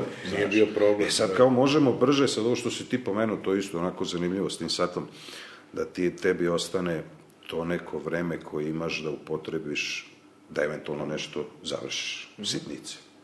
E onda vidiš, postavlja se pitanje zašto bi ti to vreme opet upotrebio da nešto radiš. Jer ti generalno gledano što imaš brže sprave, ti imaš sve više posla. Mm -hmm. Je tako? I Da. pretpostavka da ljudi Da. zarađuju Od- sve više od- para. Otvore se mogućnosti koje možda uradiš. Je, pretpostavka je da zarađuješ više para, normalno, ajde, to je kao možda dobro. Iako se ja ne bi složio s tim. Ali ovaj, sa nekih 8, 6, 8 sati radnog vremena u našim tehnološkim strukama otišlo se na 14, 15, 17 programere, da, da ne pominjem, to se da, sedi, to i ja radim, jer ja sednem kad me uvati, sednem i rokam. Serija, da. Četiri dana ne jedem, znaš, mislim, to da. je sad druga stvar, ali E sad i ti taj neki sve, znaš, od, od tog renderinga, oni znači puste rendering, ja sećam nekad montažeri videofilmski, oni su najviše volili kad dođe do renderinga. Jer onda stisu dugme i dva dana I ne dolaze. Ne dolaze, da, nema potrebe. I dole puši cigaru sve vreme, a fercera klapna. A? Pa, zato i dođe da proveri. Ako, pa zato dođe da proveri, kaže, Bože, mili, desilo pa se. problem. desilo se. A sad daj mi to odmah, daj mi to odmah. I kao, super, sad naš ovo se završio, daj sad i ovo, daj sad i ovo, daj sad. I ti jedan put imaš deset nekih projekata koje ćeš nešto završiti, a u principu, ja koliko vidim, i koliko, ajde, se družim s tim nekim ljudima, oni e, sve više, sve duže i duže odlaganje ovaj, e, i završetak posla, kako bi rekao, i, i, i, i preda, pre, predavanje klijentu. Sad je to meni zanimljivo. Da, da, da. Znači, sad ti radiš 20 projekata, imaš tu ne znam koje milione, zaposlio si tu 100 ljudi da ti radi, a radiš sve sporije. A mašine ti sve brže a imaš više posla, i tako dalje, i tako dalje. Da, da, dođemo, da, dođemo do jednog znaka pitanja, gde sam ja iz, potpuno zaboravio što ću ga pitam, a i on se ovaj zbunio, ne znam ni on više, tako da ne komuniciramo. Ali mi je to dosta zanimljivo, znaš. Što, što bi sad ti, recimo, eto, na tom satu završao? Što ne bi sad gledao gleda u nebo. gleda u nebo. ne, ne, stvarno je korisno. Ja se potpuno pa jeste, znaš, to je ono neko vreme se slažem, koje nemaš. Greška, imaš vreme i kao završiš to i to je super, to jeste super. Mm -hmm. Ako gledaš s jedne strane. Opet ima i druga strana medalje. Da recimo nemaš to tako da završiš, možda ne bi jurio taj telefon, nego bi sedeo tako pričao bi sa novim Mikem gluposti. ne, ima tu sad, to je sad... to je lični, Filo, ne, ne, filozofska stvar. Pa, da, filozofija je ono li, lični, lični pristup lično. kako vidiš tehnologiju, Jeste, šta, kako, kako, naravno, šta naravno, ti se da, sviđa, šta naravno, ne. Da... Meni, meni, meni lično, jer ja ajde, kažem, eto, u tom sam poslu gde, gde moraš da čekaš, teo ne hteo da dobiješ mm -hmm. proizvod. Znači, ta konverzija mora da traje, trala 5 minuta ili 5 sati, mora da traje. Traje, da, da. I sada ljudi, znaš, samo daj, daj, daj. Vidim da, da, da recimo kvalitet dolazi potpuno ne na drugo, nego možda čak i na treće, četvrto mesto. Zašto? Zato što sve što njima treba je da me tu na Facebook. Da, da, da, i kao šta ćemo, da. šta ćemo nešto. Ne treba ništa, ništa Facebook da. automatski vi sliku i grafiku i video, on ti za do nekih 70% još ti plus kompresuje, tako da treba biti pametni i napraviti i sliku i video za Facebook. Nije ni to baš sad više zašto će ga unakazi on, kad ga mm. uzme i krene da ga obrađuje. Mm -hmm. I tako dalje, i tako dalje. E, međutim, ne, ja baš naopako radim, ko što sam i uvek radio, i uvek radim naopako i baš me briga. I ovaj moj software i dalje koristi QuickTime i dalje će koristiti QuickTime, koristi nešto drugo kao dekodere, imam i neke svoje kodove za dekodiranje dobro. i šta ti ja znam, to je sad druga stvar, ali FFmpeg nikad, ovaj, on sve kao radi, Bog zna kako, deset puta, milion svega, a ja mogu sad da uđem u svamu priču koja će traje do iduće nedelje, ovaj, zašto to ne valja, ali naravno, naravno neću. da. Reći da bi na, ne, treba napišeš što je fini, lepi blog post, ono kao onako, ne. zašto nikad neće koristiti FFmpeg, pa, ima temu koju svi pa, živi, da kao, znaš, ono. Jer, znaš, sve kao to je to, to je kao ta tehnologija, to pravo nije tehnologija, mislim, to isto da se razumemo, da, da, da. ja u apsolutno FFmpeg jedan open source, konverter koji je sjajan, radi super, sve u redu, ja imam razloga opet što ga ne koristi, tehničkih razloga, ne da on ne radi, radi to. Mm -hmm ali ovaj, nemaš kontrolu nad bildom, ne smeš da ga koristiš kako treba, možda bilduješ svoje to, da bilduješ, da ga kompiliraš, da se tako izrazim, bolje će me razumije, ja to zovem bildovanje, i dan danas. Zbog dumbeta build mixova. Da, da, da.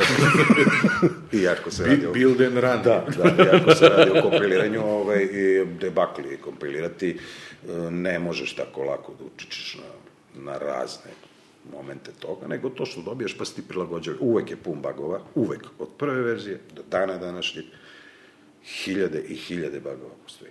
I ljudi, problem je što sada softver, ajde taj, da sad kad sam ja u tom poslu već, ali taj video softver pišu ljudi koji apsolutno nisu iz video sveta, pišu čisti program. Da, to, e, to je najveći problem. E, to je najveći, to je najveći problem. On će isprogramira sve super, znači u kodu nikakav problem neće imaš. Mm -hmm. Savršen kod. Mm -hmm. Međutim, ono što on izbacuje, taj software, što je debakl. Jer dečko ne zna, mislim, na što bi, kako on možda zna, mislim, sad boje i tu kolore i ne znam ja šta, mislim, to. Tako da ima i ta varijanta, svako radi svašta. Ja mislim da je najbolje da radiš ono, da radiš neki program ili neku aplikaciju već iz neke oblasti koja ti je bliska. Bar, bar malo. Mm -hmm. Sad ne znam da li se vi slažete ili ne. Pa ne, slažem se ja, znaš, mislim, kad radiš nešto iz neke druge, ja imam taj mislim, ja sam, što Sve moje aplikacije su nastale zato što su meni trebale. Pa, to je najbolji, da, to je najbolji primjer, naravno. Najbolji primjer. Znaš, on ima problem, znaš kako nisu, da znaš, ali je, ja radim specifično, evo sad sam se žalio Neši, on njegovom kolej stigo mi je mail od jedne da. klijenkinje, da je on, znaš, to ti je problem kad radiš sa ljudima namenske projekte, ne znam kako ti objasnim, znaš, baza i poslovni softver ti je baš... Korporativno. Pa, uslovno korporativno, znaš, ti urad napraviš novu verziju i kažeš joj probaj mi javi, jer oni najčešće ne znaju šta hoće. Ona kaže, ja želim to, a ja kažem, dobro, da li želite to ovako, ovako, znaš, kreneš i ona kao, ne znaš šta pričaš, nego čeka da ti nešto napraviš, da bi ti onda rekla, e, nisam mislila tako, nego ovako, znaš. I, I onda ti to uradiš i ona Lado nije probala tri nedelje, znaš. Ne. Znaš, a, a priča mi o nekom sad drugom, kao nestalo je nešto, znaš, što nema veze s tim. treba Čekaj, žena, nemoj, da, znaš, da. koncentri... E, i onda ti je stalno taj problem da. s ljudima, znaš. Tako da je meni, malo to su sad neki od ovih zaostalih klijenata koje nisam mogao baš da kažem, ne radim više te stvari no, ovde, da, da. ali ovo kad radim technical support za 4D, sad tu imam drugih problema, da. gde nisam Deset programer, ima. nego ovo gde opet imaš ljudi koji ne razumeju, ali nekako ti lakše, Ide, znaš, da. to je. To je vezano za posao, meni, znaš, Isto, meni je nekad dovoljno, znaš, na moru, na primjer, zato i kupujem ono iPad i imam, nemam pojma, imam grčku, francusku, slovenačku, austrijsku, nemam, imam još jednu karticu, znaš, i samo guram kartice, jer meni ne kaže žena, daješ silne pare, ono, znaš, ne. na pakete, ovo, ono, rekao, ženo, meni jedan mail dovoljno, znaš, nemam pojma, iz water parka pored Soluna sa klincem, da odgovorim hitno nešto i da kupim pola sata u kafiću tu pored na yes. wirelessu, da, da nešto probam, ja sam ceo dan završio, znaš. E, to je to vreme, znaš, to je gde su te sprave koriste, Jeste, znaš, ne, da ti ono, znaš, Ima, to je, ima to da je, ta fora, korisno, da. ima opet da ti jede vreme nekog tvoje slobodno. Ja to tako si... vidim, znaš, ja isto ono što ti kažeš, kakvi 8 sati, moj radni dan je Ne. Minimum 11, znaš. Pa to, to, znaš, minimum Ja ne bih znao da ti kažem koje je moj radno vreme. Pa mislim, ovako, ja sam lupio neki prosek, znaš, ali minimum ja, 11. Ja bukvalno ne znam, znači, ono, to, to je problem, ono, kad radiš aplikacije za sebe. Jeste, jeste, naravno. I onda, ono, dobar deo toga meni treba pa će to da završiti, da. to što ih prodajem, ja u principu u, u posao kao posao, znači nešto što moram da uradim, računam sve ono što nije programiranje. Znači ono što moram da napravim website, da spravim screenshot, da spravim video, promo video i ostalo i sve to da pošaljem novinarima da pričam sa njima, komuniciram, znači to je posao, ovo drugo nije posao, a u suštini jeste. A u suštini jeste, to, to, tako i ja tretiram isto to što sedim. Mislim, meni, znaš, ili ti si ajde mlađi od mene, hvala Bogu, meni su i leđa otišle i sve živo, mislim, od tog sedenja, ali ja isto kad se zaletim, verovatno i ti, I kad, ovaj, ja najviše volim nađem na problem. Meni je problem, meni, meni je to fenomen. I ja sad imam da danima rešavam taj problem. Neke sam recimo rešio posle godinu, dve dana, znaš, i ono su po glavi budalo kako nisi vidio. kako nisi vidio na vreme. Kako nisi vidio, da, ali to mi je potpuno fascinantno, da znaš, uđem u kod, e sad ja imam mešavinu celu, ja sam eto počestim, pa se sad tu ima i C, C++, Objective-C, i, i dalje AppleScript od koga neću da dostanem jer tu sam počeo. Dobro, AppleScript je lepo. I mislim, ali da, to onako, je sad ne. samo onako kostur, ne, mislim, vrlo malo tu Apple ima, ali dobro. Neću, neću ga, neću ga ovaj, napuštati. Neću da Zgodan je Apple script. Ali je zanimljivo. Ne, ne, ne, redko ko može tumačiti taj moj kod, što e. je opet još super.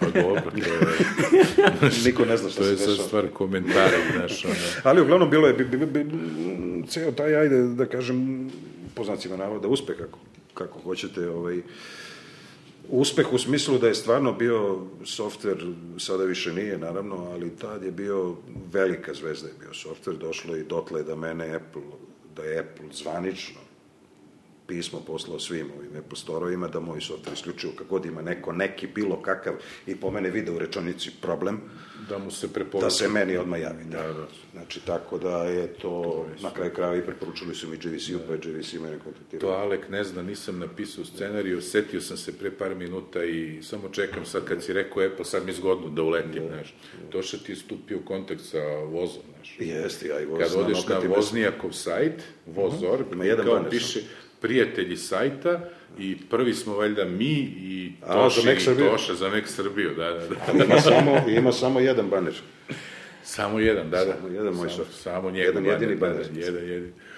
Nice. I recimo dopisio sam se, eto, sa Samuel L. Jacksonom, dopisio s Morganom Freemanom, oni svi imaju moj software. Sjajno. Ja odmah, naravno, me, rekao, jeste vi taj? Jesi ti to stvarno taj? Da, da, jesam. Pa da, čovjek, znaš, vidiš, ono dobiješ, znaš, kupio taj pera Mikalaza. To je Morgan Freeman. Rekao, čekaj. Koji čekaj, Morgan da. ja odmah mail, naravno, perfektan engleski kraj, kažeš? ljubazan, rekao, ja se izvinjam, tako dalje, ja sam iz Da li ste to zaista vi? I on, znaš, moj, ja... treba, mu da, treba mu da pošalje na Facebook. Da, da. Ja Šalim da, se. super je. Pa ne, to je super. Super je to što ide. A što si se onda, što si ga rebrandovao? Da malo...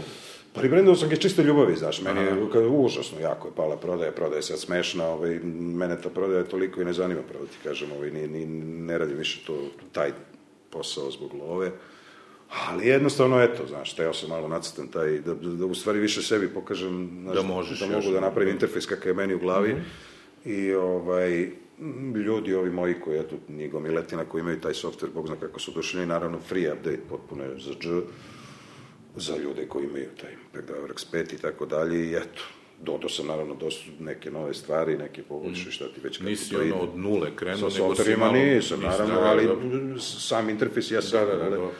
i crtko šiljio, malo sam pica izgleda po tom pitanju, pa ovaj, m, mislim da je ispalo lepo, ali eto, više iz ljubavi, kažem ti, ne, ne, neću da ga gasim nikada, čak Da, da, pa kad se nema. ne bude prodavalo ništa, jer mi je tako, eto, prva ljubav i to, nijedan drugi nisam. Sad se setio, ovaj, kad sam sve vremeno, ti si imao sve vremeno neko, na Mac Serbia si stavio ono kao kogod je član ovde, Jeste. kao dobit će licencu. Neko god je član, neko god je iz Srbije. I onda onda otišao pogledao sad ti rekao kao daj bre čoveče da kupim kao mislim ovo je sit, sitno para ono da, Bilo daj je, da evo ti ga ovaj, ovaj je sve kupio. Ja sam Da, njemu ne, ne ja, vredimo pričati. ja uopšte. kupio i onda kao kad sam već imao software imao sam onaj Candy Bar, onaj panikov Da, da. za, za promjenu sistemski ono full ikonica.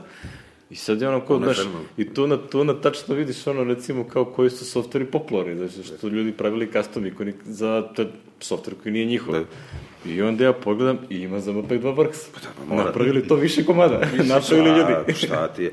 Šalje meni, ide ja to i sad ja postao, bog zna kakva zvezda, znaš, počeli, jer sam saranio dva, tri softvera, tu tad su bila FFmpegX se zvao. Jeste, sećam se toga. Visual, On je tražio da... Visual Hub, čini se. Si morao da da Visual. FFmpegX i morao posebno još da downloaduješ naravno, ovaj binaries. da, da. I sve sam ja to posaranjivo, naravno.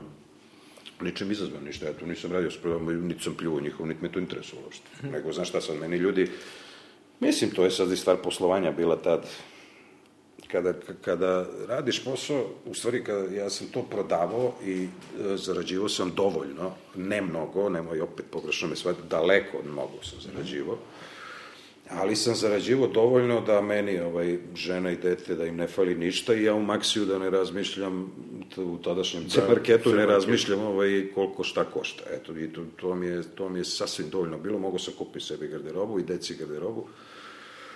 I to je otprilike ta neka količina novca bila, međutim ja sam to radio, e, gomili ljudi sam dao džabe softver, e, gomila, cr, pomenuo sam ti da su crkve američke, ja ne znam da li ima jedna koja nije kupila moj softver, pravili DVD-ove s njom, pa oni vole ono to prezentacije, ono čudesa prave, studiji svi, Sači, BB, Lon- DDB London, da ne nabrajam sad, svi studiji na glasu su imali i moj softver, pored toga što ima i hardverske, oni su sprave, ogromno ima plugin koderi sprave, ti ne, on zna verovatno o tome više nego ja. Ovaj, oni su koristili softver moj, jer je izbacio bolji kvalitet slike, što i jeste.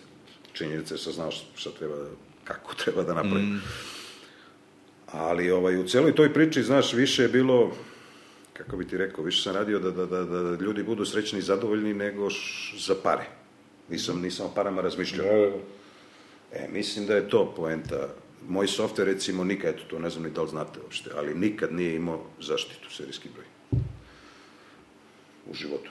A najmanje piratizovan softver od svih. To sad opet ima razloga zašto je tako, ali nikad serijski, ni dan danas nema serijski broj.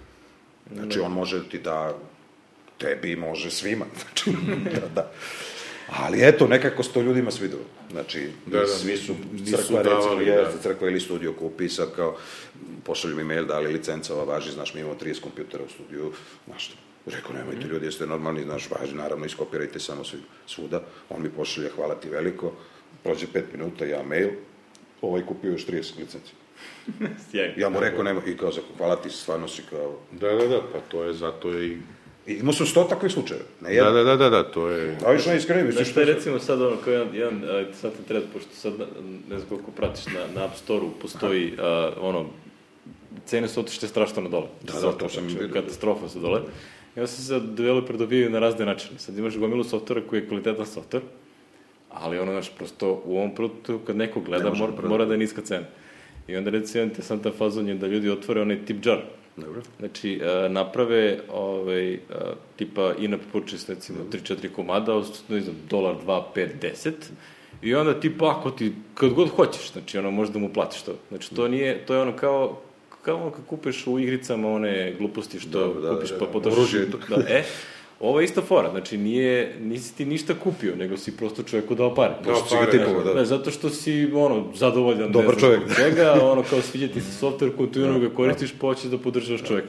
E, i, i taj fazon, znači, ono, tipa tip jar, i otvoriš i naš, ono, to, je, to ti je ono, To ta, ti je to. ta fora, možeš to da dođeš, ono, kao, ako si nešto zadovoljan, ekstra ti daj para, koji si, nema veze. Znaš, ali, vidi, razmišljati korporativno sa malim šer, sad su druga vremena, naravno, sad, je bez veze, ja pametujem potpuno i drugo i drugačije tržište i pojavili se, pojavio se iOS i sva ovi Samsung i sva ova Androidi i tako ostale budalaštine. Naravno, iOS ne, nije budalaština. E, ovaj, drugačije su vremena, drugačije se razmišlja i tako dalje, ali ne možeš ti tad, znaš, kao klinac, kao neki, to niko ko ovde živi, kod nas nije radio, ja nisam koga pitam, ne znam pojma od ovih mojih taj virtualnih istobe, kad sam i soft, kak je, radili ljudi druge stvari. Drugi stvari, da. I sad ja ne mogu korporativno da razmišljam, znaš, ja sad da razmišljam ovaj, o novinarima, o čudima, o nekom reklamiranju, Google procenti čude, meni to dan danas špansko selo, uopšte me ne zanima, znači ja ne reklamiram svoj softver ni na koji način, nikad u životu nisam reklamirao, uvek je od usta do usta i Apple me reklamirao, što je, mislim, sjajno, ali eto, hvala im, da, hvala im, hvala im veliko, onda bilo je Mac World, Mac format, pošalju mi otprilike u isto vreme su mi poslali mail, da prave ovaj intervju sa mnom i ovaj jedni su, sad ne usetim koji, ja mislim Mac format da je Baja neki šaljiv se našao i kao, e, super, kao vidim Beograd, Srbija, jesi kao stvarno iz Beograda i Srbije, kao mi smo mislili vi nemate ni struje dole, kao, i smajli. Rekao je sad. Ja njemu mail rekao, ja sam mislio da svi čuvate ovce po irskim brdima, pa rekao, jebi ga, vidim da, vidim da imaš mail. Majke mi mile, majke mi mile. Ali rekao, evo vidim, imaš, komuniciraš mailom. I on meni, ne, ja se izvinjam odmah, znaš, skoro rekao, ne može da dobiješ, tri, čao. Slovo, kao ptica na granici slovo. Da, da, da. A Mac, ovaj, sad ovaj drugi, ja mislim Mac World, da je, na- posao sam im naravno bio na jednoj strani, izašao intervju i tako, vrlo su korektni bili, sve super, isto im bilo to egzotično dosta. Da, da, da, I onda su mi otkrili jednu če- stvar da nikada, ni, do tada, ni, nisu čuli ni za jednu u, ovom delu Evrope i sveta, znači ne samo Srbiju, nego računajući sad i ove popularne ovaj, programerske zemlje, Ukrajini, čudesa, Indije, Kine i šta ti, ja znam da nikad niko nije napravio softver i tako sam počeo prodati taj šerver, ovo, ono, i to mi je bilo super zanimljivo i kao ljudi te hvale svude po internetu, pa kao ajde. Da, Ajde, rekao, što da ne, znaš. A, vi zamislio ovu budal? Ma leba, ti si mislio nema struje. on se ono šali kao... Pa nemoj mene vući za jezik da ja kažem šta mislim o vama. Nije, nije, nije shvatio ozbiljno ono Serbijanu. A ne, nije, znaš, i nije shvatio da, znaš, ne, sad ja kao, sad će ti objaviš, znaš, ja ću zaradim 500 miliona funti, misliš da me briga. Znaš, mislim, ne zanima me tvoja jahta, niti me to, tvoj časopis još manje, tako da... To je, a šta, šta, Engles bio još, nije Engles, Engles, me format je, ja mislim, Nek engleski. format- pa, znaš, to je englesko izdanje, da. Ti ona fora, znaš, kad smo A, pričali Amerika je o, korektan, ne, ne. o, ovaj, o, o vizama i to, i ono, znaš, kad ti kaže, mene, znaš da su me odbili za UK vizu, verovo ili ne, zato što nisam teo da lažem, baš. Pazi, mene šalje francuska firma da držim obuku u Manchesteru, Engleskoj. Ja pišem, idem da držim obuku. A ovaj kaže, to se tretira kao rad, ovo, ono, mora radna dozvola i, kao, i odbim. I ja, a prvo su me odbili e, zato što ste naveli, kaže, kako je rekao na engleskom, your wish to come to Manchester to give training, i, we think that it's not genuine, genuine kako se kaže? E sad ti to onako uvijeno, ali to kad ti kaže Britanac, to znači jedno, lažeš bre. Da ne, jesu, da, to to, mi mislimo da ti lažeš. A, da, da. Tako da ovaj, ako ti je to napisao, tek onda je... Pa ne, Smiley je... Oni su, ne, ja, ja verujem, znaš, to je kao imperija i sad oni dalje, vjerojatno, misle da su imperija ili bilo ko već, i sad ja neki tu seljak, neka Srbija, neki Beograd, znaš, ja tu i kao super se, i sad ćemo se šaliti. Čekaj, be, prije, alo, Stani polako. Ne, znaš, ne, mislim, ne volim te, posebno što znam tu ekipu koja to, mislim, taj svet uopšte, pa to je debakl, neki nepismeni ljudi, znaš, sede tamo, kucaju nešto na kompjuteru, traže to po internetu, prepisuju, znaš, mislim... Da, to je sad otišlo to, isto. Da, da, to ne, Te- meni te- neki... takozvani TED žurnalist, to je, sine, to Znaš, je posebna ova... Ne možeš tako, tako da se ponašaš. kao, Mnogo si Zato što se šaljiv, ali vidim ja to prenelo imperijalno se i- ovoliko iza, znaš. Kako je on veliki, pa je. Prenelo se i kod Iz nas, velike zemlje. Tek žurnalizam, ono, kad stave naslov na Tehnopolisu, znaš, i ono, i onda dole samo baju, dođite, udarajte komentare, svađajte se, a nama, ono, klikovi i page-ovi rastu. to je fora. Navikli su valjda na te korporativne odnose, ja kao uvek sam, eto, sve napako sam radio, znači s- s- sve, šta god me pitate, ovaj, kako si ovo, ja sam sve radio napak od onoga kako treba. To, nemam, nemam serijsku, nemam zaštitu, nemam nikad reklamu, nisam u životu radio, šta još, odnosio sam se tako prema medijima koji mi nisu, koji se odnose tako prema meni i prema isto publici takođe kad znači onako vrištavi neki Amerikanac pošalje neki mail da nešto urla kao nešto mi neće, ja odmah. Znači, ćao, tamo traži pare nazad. Sledeći mail stiže, ne, ja se izvinjam, ja sam te rekao, žao mi je, mi ovde, ovaj, kod nas ne komuniciramo na takav način, ja ne, ne komuniciram tim jezikom i ne mogu s vama stvarno se dogovoriti, molim vas, tražite pare nazad. Da, da, bravo. Znači, ne shvataju logiku da, ja razumem, svakim, svakom svoje pare jeste veliko, znaš, i tako dalje, ali ne, ne možeš, neke, neke granice nisam... Ja, to su, to su ovaj, to se meni dešava često, ono, ja, pošto je baš, support mi stiže kroz aplikaciju i onda ovaj, imaš ono, ljude koji su navikli kao da su tu, ne znam kakve sad, ono, kao firme i onda odgovorim kao, ovaj, ne znam, ako im znam rešenje, ono, šta ga muči, kaže, to je to, ovaj, kao, hva- hvala na saradnji i odmah, odmah, znaš, silno iznenađenje, znaš, ono, kao, pogotovo kad mu odgovoriš posle pola sata, na primjer, Da, to su fascinirani. I onda ono prilike, znaš, ovo ja nisam, ja sam mislio kao, a... Da, Ti si da, krenuo. da, kao, kako to tako brzo? Isti Što, što su navikli, znaš, ono, da oni dobiju, ono, naš, Jeste. pogotovo za ove velike firme i ostalo da ih tačno, odjebu najstrašniji. Tačno. To Isto, isto iskustvo. Ja imam 24 sata da odgovorim. Znači, ono, ja ako vidim da nešto nije hitno, radim nešto drugo, on će dobiti odgovor za 6 sati, ako mogu odmah, ali neću prekidam, znaš. Ali ono, tako piše tamo. I, znaš, I ja se smatram da sam uradio moj posao, dovoljno samo postavim neko potpitanje, jer nije bio jasan. Znaš, to su ti sad ti odnosi tech support. Da. Ovo, Pa ja sam tad uvek visio na mailu, znaš, tako da mm, imao sam ovaj, ne, meni to stigne i ja odmah uzmem podgovorim.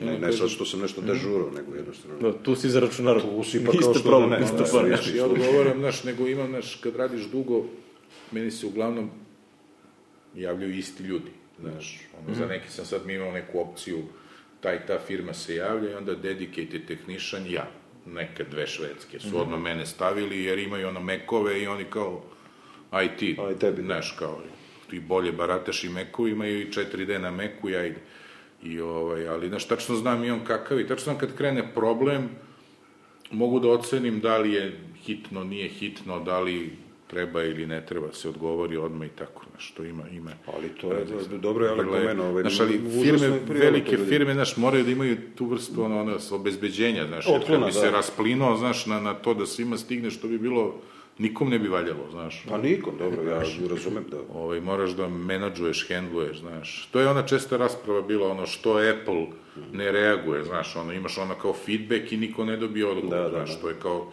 stoti, pa kako će drugačije? Znaš, jer, e, znaš šta, ja često dobijem, e, ne radi mi ovo, znaš, pitanje, uradio sam ovo, ne radi mi ovo, nit mi kaže ko je operativni sistem, napiše, Jeste, ne kaže ni da je Windows Mac, ne kaže koja je verzija 4, ne kaže mi ništa, i sad ti ja nemamo dakle da krenem da reprodukujem problem, znaš, kod technical supporta ti moraš da reprodukuješ, i ako nađeš način da ga 100% reprodukuješ, prosleđuješ dalje i to se rešava. Bez toga nema, znaš, i sad, ako mi ti nisi naveo, znaš, ja često kažem ovima, kad se tako žali neko čoveče, to je ko kad odeš kod zubara, kažeš boli me zub, ovaj pita koji, pa ne znam, nađi sam i sad on krene da ti vadi redom, čupa, jebi ga, pa je, e, to je, ovaj, tako i ovo, ako ne kažeš, sine, ne mogu šta je, onda postojiš pitanje i, i onda on ne odgovori po pet dana. I onda odgovori i sad očekuje odgovor za pola sata. E, ba, ja sad čekaj, ako tebe bole luvo pet dana, a ja ovde imam čoveka Amera, ne znam, koji je, ono, kupuje 5 miliona dolara godišnje da, licenci, naravno. ti ćeš malo da čekaš, sine, dobro, znaš. i to je logično. A, ove, a ovom recimo problem nemam pojma, što mu ono font ne valja, znaš, neka vrlo bitna stvar za poslovnu aplikaciju. Korporativni problemi, mislim. To, pa dobro, to je... Ovaj, gledam, gledam web stranicu Video Embuša, ovaj, ko je pravi ikoricu? Ja, bato. Ti, ja? Ti ba Čoveč. Kako su ovo sad pitanja? Dečko, molim te, prekini snimanje.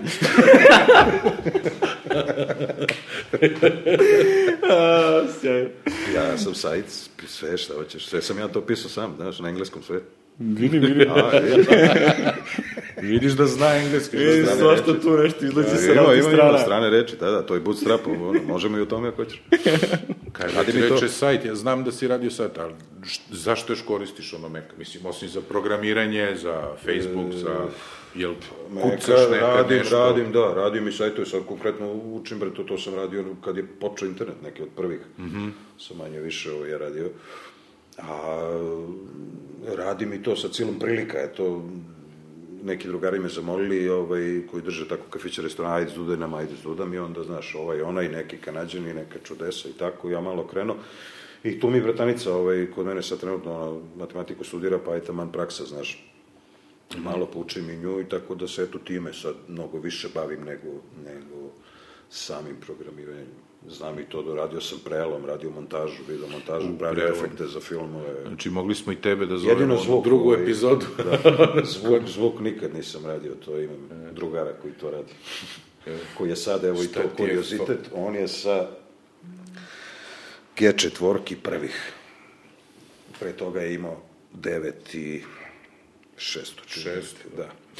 Pa onda G, upgrade-ovo Pro Tools na G4 sa skazi diskovima. Pre mesec dana, do pre mesec dana je radio na tome. Znači ima Dolby Studio, on ima licencu, jedini ovde je nekad imao Dolby Aha, licencu, ni- niko živi nije imao. Kod njega svi ovi naši unazad igrani filmovi, pa manje više svi su rađeni kod njega. I neki strane produkcije, koprodukcije i tako. e, on je pre nekih mesec dana uzeo ovaj, novu kantu Mac Pro, da, i to mu je sad potpuno, možeš misliti sad Pro Tools, u odnosu, no, kaže, brate, ja ovo, ne, ne, ja, se, ja sam mu digao sve što ima, a on ima, mislim, sve. A? Nije Koki. ja znam, Ja sam mu digao devojku sve. jednu, ovaj, Aleksandra, kako se zove Aleksandra, radi filmove isto, ubija se od, od posla, radila je u Portugalu. E, sad radi samo ono efekte za filmove, znači samo to. Ovaj, nema, setit ću se, ajde imat ćemo tu temu, valjda jednom, ko, ko, ko, koga zna. Znači, ništa ne koristiš mega ono za office, pišeš pisma, to ne, ništa. Ne, ne. Ili imaš uopšte firmu, bre, nisam te ili ovako i dalje, Dobre, kako nemaš, firma? a, ja, sam, fir, ja sam firma, ja sam Pa preduzeč. pa mislim ja sam je firma, to, ali... to je to, To, to firma. preduzetnik, ili imaš Ne, imao ono... sam u Americi, ovaj, ne, nije moja bila, morala je da bude registrovana u Americi. I to, ako hoćeš da načnemo, to može isto dosta zanimljivo. A ko još da bude, da, kako si registrovao i firmu? lokal patriotski. Jesi u Oregonu registrovao ili ide? Ne, firma je Delaware, bila registrovana uh, Los Angeles, šta mu dođete? U LA, Kalifornija. Kalifornija, E, dobro. to.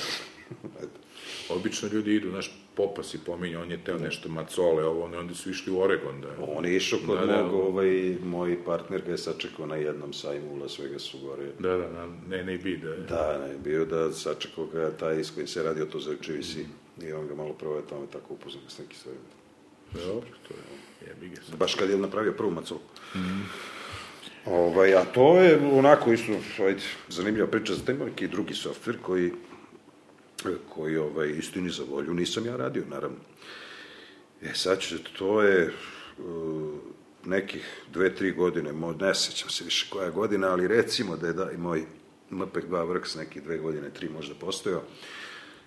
I u neko, ko, ko što rekao, već tu Apple krenuo ozbiljno da me preporučuje, znači, bilo kime. I imao sam sreće, to je sad više stvar sreće nego pameti, naravno.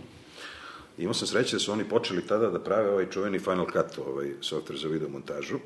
I ceo njihov developer tim, maltene, apsolutno ceo, je bio ovaj, zadužen za to i imali su ljudi posla preko glave. S obzirom su teli napraviti veliki bum i napravili su veliki bum, oni su teli javi da sahrane i sve redom. Kako se zvalo to što su kupili? Je li isto bilo Final? Nešto su oni kupili, Jeste, pa od toga... su, pa da, kupili su i Logic Audio i sve živo posle ceo taj paket, ali su ga pređili, radili i to je potpuno onako popriličnu revolu- revoluciju unilo. Da ne pominjamo je do premijera u Đubrenci i tako, to nema veze s mozgom. Ovaj, I bili su užasno, kada eto, angažovani oko toga, to je tek trebalo se pojavi. I u tom nekom momentu, za ovaj mlađe slušalce, se pojavila ova HDV, čuvena tehnologija, sada je sve HD i telefon je HD i taj sat, ja verujem tvoj da je HD, mislim, ne, ne, ne, ne. tako da, ovaj, međutim, tad je to onako bila jedna misterija velika, to HD i te HD kamere tada su bile po 100 kila svaka i šta ti ja znam. I onda se pona, po, pojavi taj neki HDV čuveni, HD video su ga zvali. video, da, da. Jeste. To je sad... Čuj, imao ja kameru. Da, to je 720p bilo 1980, to nije ovaj sad Full HD kako ga zovu. E, i onda su se u tom momentu GVC, Canon i Sony trkali ko će prvi da izbaci konzumer poluprofesionalnu kameru. I plus, znači za konzumer varijanta za generalnu publiku, plus profi kameru za televizije, za televizijska studija. E, zašto sad za televizijska studija? Zato što su teli u Americi su tada krenuli da polako krenula priča o tome da se prelazi na taj HDV sa SDA, SDA, lagano, jeste. I onda, eto, sticam okolnosti, GVC je pobedio u toj trci, međutim, šta se desilo? Ovaj, U jednom momentu ja tako sedim za svojim kompjuterom, proveravam e-mail i meni tapi e-mail, GVC, kao Pera Mika Laza, GVC. I ja krenem pa čitam dve neke kao non-disclosure agreement, imaš dole sve levo, ma rekao važi, ja treš odmah, znači. Neko nema pojka kakav GVC, uvijek ekipa krači neko i ćao. Prođe pet dana opet. Međutim, u isto vreme kad je otprilike stiglo njih, posle sat vremena stigne, i ja ostavim to, rekao, vidi, opet isto, znaš. E, tad nije bilo dosta tih spamova, nisu, nije ni taj moj mail bio, apsolutno, ja ne znam nikad stigo spam, tada u to vreme. I posle neki par sati stigne meni od Apple mail. Taj, taj baja, a ja sam s tim bajom komunicirao, ne znam u vezi čega, da me ubiješ ako znam. E, on, ja ne mogu mu se nažalost setim imena, bio je ovaj šef developer tima za nešto, nekog je efektu tamo. I neke, neke sam ja mailove s njim razmenio, nešto, neke tehničke, da li sam ja imao problem, on imao problem, nije ni bitno, uglavnom mi smo nešto, i ja sam sad njega se, čovjeka se sećam, i sad rekao, dobro, znaš, on mi šalje mail, E, taka i taka stvar, levo, desno, mi nešto ne možemo, e, kontaktirat ćete Pera Perić iz GVC-a. Vezano za neki problem. Stigne meni ej, Da, da, ja gledam, poradim, a, po, koji bre GVC, koji ba krepa, nemoj me zajeva. Super. Obrnem ja sad onaj GVC, čitam. I ima dole onaj, kao ajde, non-disclosure agreement, to mora potpišeš im pošalješ ako se slažeš da se nastavi razgovor. I oni meni objašnjavaju u priču koju sam ja vama ispričao. Znači, postoji taj HDV tehnologija, nova, levo, desno. Ovaj, mi treba da izbacimo par modela kamera i tako dalje, imamo problema sa softverom, da li bi vi nastavili dalje ovaj razgovor? I onda ide non-disclosure agreement koji mora potpišeš Da pričaš dalje, da bi da, ti da. otkrili jeste. Potpišem ja to, pošaljem njima sve to, stiže meni opet. Taka i taka stvar, mi imamo to i imamo softver neki za Windows, međutim kamere ove, uf, mislim sad ja to ovako naravno narodski, inače sve gurnemo u Maca, ovaj Mac niti vidi kameru, niti zna šta je, niti zna ko je. Ja rekao, dobro, imate to za Windows, imamo taj softver za Windows, sve ovo, e, pošaljite, rekao vi meni softver za Windows. Da ja to malo pogledam i pošaljite mi dva, tri fajla da vidim šta je. Opet MPEG je bio u, pitanju, MPEG Transport Stream ovog puta. Format. Prošlo, pa ne znam koliko, dve nedelje, ništa, brate. Meni tap pismo u sandučetu, ja sanduče, imaš na carini, levo, desno, dođe, mora platiš carinu. Kako rekao, carinu? Koji ja nemam pojma, ne, ne, hoće mi šalje ništa. Ja na carinu, sela, ona dvojica baja, kaže, prijatelju, ovdje ti piše da ti ove dve kamere, ja, koje bre dve kamere, piše da ti koštaju, ne znam, nešto, 300 dolara, razumeš? Rekao mi, evo sad smo, kaže, dobili internet i mi otišli, lepo ima B&H, ima ovi ogromni trgovci, oni otišli, ukucali broj modela kamera, sedam i nešto iljada. Da, da, da. I kao malo je glupo, znaš. Rekao, nemojte ljudi, ne znam ko je, bre, čemu, kakva kamera, kaže, evo piše GVC Japan, ono, posle ti dve kamere. D još dve posle. Ja rekao, kolika, dobre, kolika carina, carina, nešto 3-4 dolara. Ma rekao, ma vraćaj nazad, bre, dam si, bre, normalno, kakva te kamera. Ili ima, rekao, da, ja njemu sad rekao, ima neki CD tu, DVD, daj mi to, nosite ga, briga. I, uglavnom, nekako ja se objasnim s njima, nije ni važno to šta je bilo sve, uglavnom u- uvezem ja to, ajde, zvanično, posle sam ja refundirao te pare, naravno, GVC mi posla, sve u redu, platio sam carinu, ne toliko, ali sam platio. Poslaju, da, nije njih mrzalo, oni meni dve kamere, Dve kamere. Pre-production model. pa ti gledaj, Pa ti vidi, da, da. pre-production model. I ja sad dobro, gurne ga, naravno, upalim kameru, gurnem, ovaj nema pojma, ko da ništa, ništa ni gurnem, uvezem, ne, ne znam šta je uopšte. Rekao, Fire, dobro. Firewire ili... Dođem ja do PC-a, Fireware. Dođem ja do PC-a. Gurnem PC, instaliram onaj software. Software krš ne viđa. Znači, oni za Maca nemaju uopšte, a ovo što imaju za Windows, to, da one, to je debakl. Znači, ne može se radi s onim uopšte. On čas vidi, čas ne prekida, capture neki kreneš, ono ne radi. Ja se mislim, dobro, znaš, ja teo da vidim samo, znaš, šta sad, šta, kako to da radi. Šta hoće, Znači, da. klinac sam vidio, vidio sam da ne radi. Dobro. E, srećom sad, ja sad ne znam, znaš, šta je, kako da uteram fajl, bre, ne mogu, meni treba fajl, ne treba ni Ne kamera. treba ti kamera. Jao, i srećom oni poslali to, CD, šta je bio DVD, ne, nije, nije bitno. I ja fajl, ma, na, nema pojma, nijedan software, ne znam šta je uopšte. I ja sam naravno to rešio tako, taj dan sam je rešio, znači oni su se, njihov developer tim nije to uspeo da reši. Ja sam to rešio, pa njih dva sata.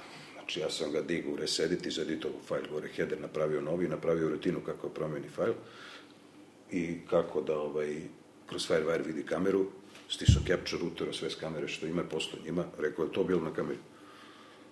I ovo, isti dan. da, da.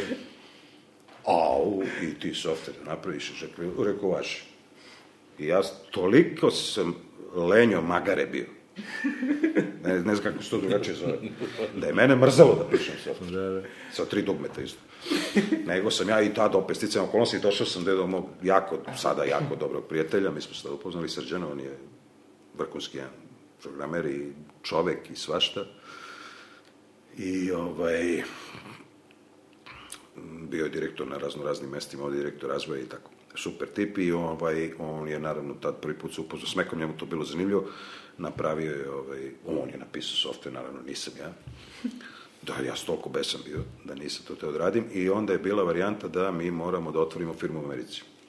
Jer sad GVC hoće da uh, sve je to bilo, Cajtont veliki je bio, zato što su oni teli pre Sonija i ovoga Canona, da. da. plasiraju svoje, to je trka bila ko će prvi plasira u Americi kamere.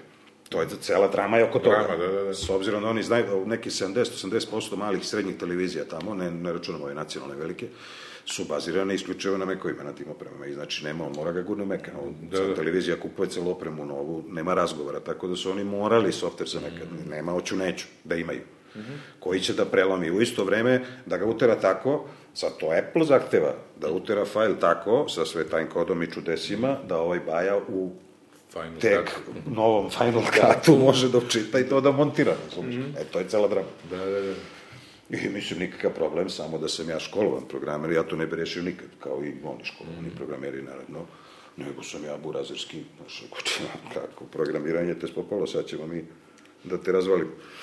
I ovaj, Restedi, pa da, roke. da sedi ti roka i vede, nikakav problem, rutinica, cepi, on ga pročitao, ovo, ovo sam dobro rešio programerski do duše, ovaj, da ga vidi kroz Firewire i šta treba, kako da zove fajl, ali sam fajl sam tako, znaš, ubio, to je fascinantno potpuno bilo, ovaj, redko ko zna za tu priču, ko zna, on je fasciniran Mhm. potpuno.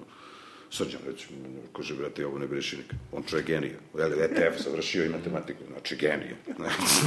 kaže, ovo, ne bi mi palo na pamet. Rekao, ti si dečko školovan.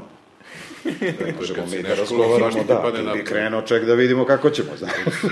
Tako sam i ja na Atariju, teo sam da napravim, sveća da sam promenio da je Mickey Change Folder ili ti Norton Change Director i za Atari sam pravio. I sad Aha, on je mogao četiri prozora da, Da, otvori i to su neki bufferi i on drži strukturu negde u memoriji, znaš. I ti ne možeš da priđeš tome, znaš. I šta radiš? Uzmeš uzmeš i tražim pattern tog pata, pošto je Atari imao neku kombinaciju, kao Gem DOS je on to zvao, nastalo iz CPM-a, tako da si imao slične neke funkcije kao i na, na DOS-u, jeli, nešto mm -hmm. slično da ideš i onda ja kroz memoriju, bato, tražim taj string i gde ga nađem, aha, 34 bajta unazad, e, tu mi počinje i onda, i onda mu tu namestiš string i forsiraš escape. Escape je bio ono sveži prozor, da ono osveži i radilo. Ja imao sam prvo što ti kažeš, nisam ceo softver sam napisao, nego kako se zvao Peđa Kucinović, sve moji pokušaj da pošaljem escape iz bilo kog programskog jezika, pazi, radio sam sad ono library u moduli 2, u C, u C, nije uspelo, morali iz assemblera, a ja assembler motor nisam znao i on je napravio tu malu rutinu i ja samo ulinkovo escape, up, radi. E, znači, to je spomenuo, to. spomenuo tu priču, meni to ono, odmah se setio, ovo, ja sam a, 99, odmah posle bombardanja, počeo da radim u jedno bezbroj onih dot-com firmi da, da. koje su bile u Americi i među ostalog je bila firma, pravimo neki ovaj, globalni software, nešto za hotele, za restorane i ostalo da ti nešto kao kupuješ pa dobiješ pojene, pa možda ih refundiraš, trte mrte, ali glavna fora je bila što je to radilo na web softveru, na touch tabletu koji je pravio National Semiconductors a, i a, trebalo da koristi ono internet, znači to je sve 99 znači ono touch stavio, da, ja sam izjeban kao ja sam radio na iPadu dok Apple još nije da, planirao. Da, pre iPada. e, ali to je bila smirja, znači, a, zašto to spomenjem? A, a, NSC je radio taj, taj tablet je bio otprilike u, u, ono, nisu imali ni ekran ni ništa. Znači, kad sam mi počeo da pravimo software na kome to treba da radi. Da. I su oni napravili neki tipa dva prototipa od kojih su jedan poslali nama u Beograd. To je dali su ove firme u Čikagu, a poslali su nama u Beograd. Nas ima trojica ovde. I sad, taj, taj tablet treba da bude wireless tablet i to je treba da bude isključivo veze preko wirelessa, znači on kao wireless standardi, wireless, wireless standardi tek su bili u povoju. Da, da, to je bilo, wireless. Kako je to bio ono, ono, ha, ha, kako to kaže, bleeding edge, znači da. potpuno ludilo. I sad oni nama pošli tablet wireless ne radi, nego su na, nabuđili neki USB da preko ono može se spojiti. da samo možda instaliraš na njega da vidiš kako to izgleda, da to praviš. A tada u firmi radio Dragan Plesković, ne znam, znate čovjeka. Ja znam, da. Ja Pleki je genije za, za mreže. Znači, ovaj... Ček, 99? A, da, on je, a, on je imao neke radove koje je objavljivo o vezi mreža, što je tipa, tipa godinu dana kasnije CSKO od toga napravio veliki biznis. On je pre toga radio ono, ona, e, ona sad staje fora, sedimo mi tamo, a Pleki, pošto ono, znaš, ono, on je, on je bio kao nadgledao nas mladunce, ono, on je bio stari iskusni čovjek, i onda on, pošto je to zanimalo, uzme da se čačka sa tim softverom i to nešto gleda, i a, u nekom trenutku, tipa posle, ne znam, desetak dana, ne znam koliko je prošlo, ne sjećam se, mi smo to mesecima radili, i ovaj, on pošle ovima u Čikagu kao, e, ja popravi ovaj wireless, znači driver radi, znači wireless radi. I ovi kao, e, super, kao sad ćemo mi da javimo NSC-u, sutra da ni NSC-a stiže mail, i možda nam kažete kako. Kako da... Kako to uradili? to je to para. Kako zemljače Možda nam kažete kako ste to uradili. Sjajno. I onda, onda je ta firma koju su mi radili registrovala patente za to čudo što je on da, napravio. I onda je, prilike, ta firma je propala, ono, što je taj sistem bio daleko i pre svog vremena, nego što je to bilo imalo smisla. Ali je PC Tel, ona, ona je velika, ona internacionalna kompanija za, za mreže i šta, je kupila tu on, matičnu čikašku mm. firmu samo da bi se dokupala tek, ta tri pa, da. tipa firma imala tri patenta od kojih je dva i po napravio pleki. znači, to je bilo, ali to je bilo mnogo smešno, kao, ja možete da mi kažete kako? Šta jurio, šta ste pa? Ne, ja sam njega upoznao dok je radio u BMG u štampariji na Banom Brdu. Jeste, da, da, sam radio jedno vreme. Tad smo se upoznali. On je sad u, u GTEC-u duže vreme, on je u Finsotu, ja sam mm -hmm. prešao u Finsot i on je tamo bio da, da, da. direktor, sad je nešto chief, nešto security je bio, izgubio se već i ono, ide što ta što sad radi. ali, ovaj, ono, Plek je super lik, ali... Ono. Eto, to ti je to živi se. Ništa, onda kuriozitet je bio u stvari vezan za taj softver. Softver ko softver, vrlo jednostavno stvar radio, ali radio dobro. I postoje taj most, u stvari GVC je tak, prvi je izašao na američko tržište, išao je softver moj, naravno, u svaku kameru prodatu. Mm. E, firma se zvala Limier, Limier HD se zvao softver, registrovano bilo u Americi, no tog mog prijatelja nije bilo moje, nisam ja registrovao firmu, nego mora Amerikanac. I ovaj, oni su ušli u američko tržište, prodali preko 100.000 kamera te prve godine, bog zna kako, imam još uvek kući negde zvaničnu njihovu zahvalnicu, GVC-evu, meni lično, na moje ime baš, mm. znači ne na firmu, A, recimo, na Apple sajtu, tad na Final Cut, pošto se te tak pojavio, i postojali su zvanični e, Apple partneri u oblasti video i filmske produkcije.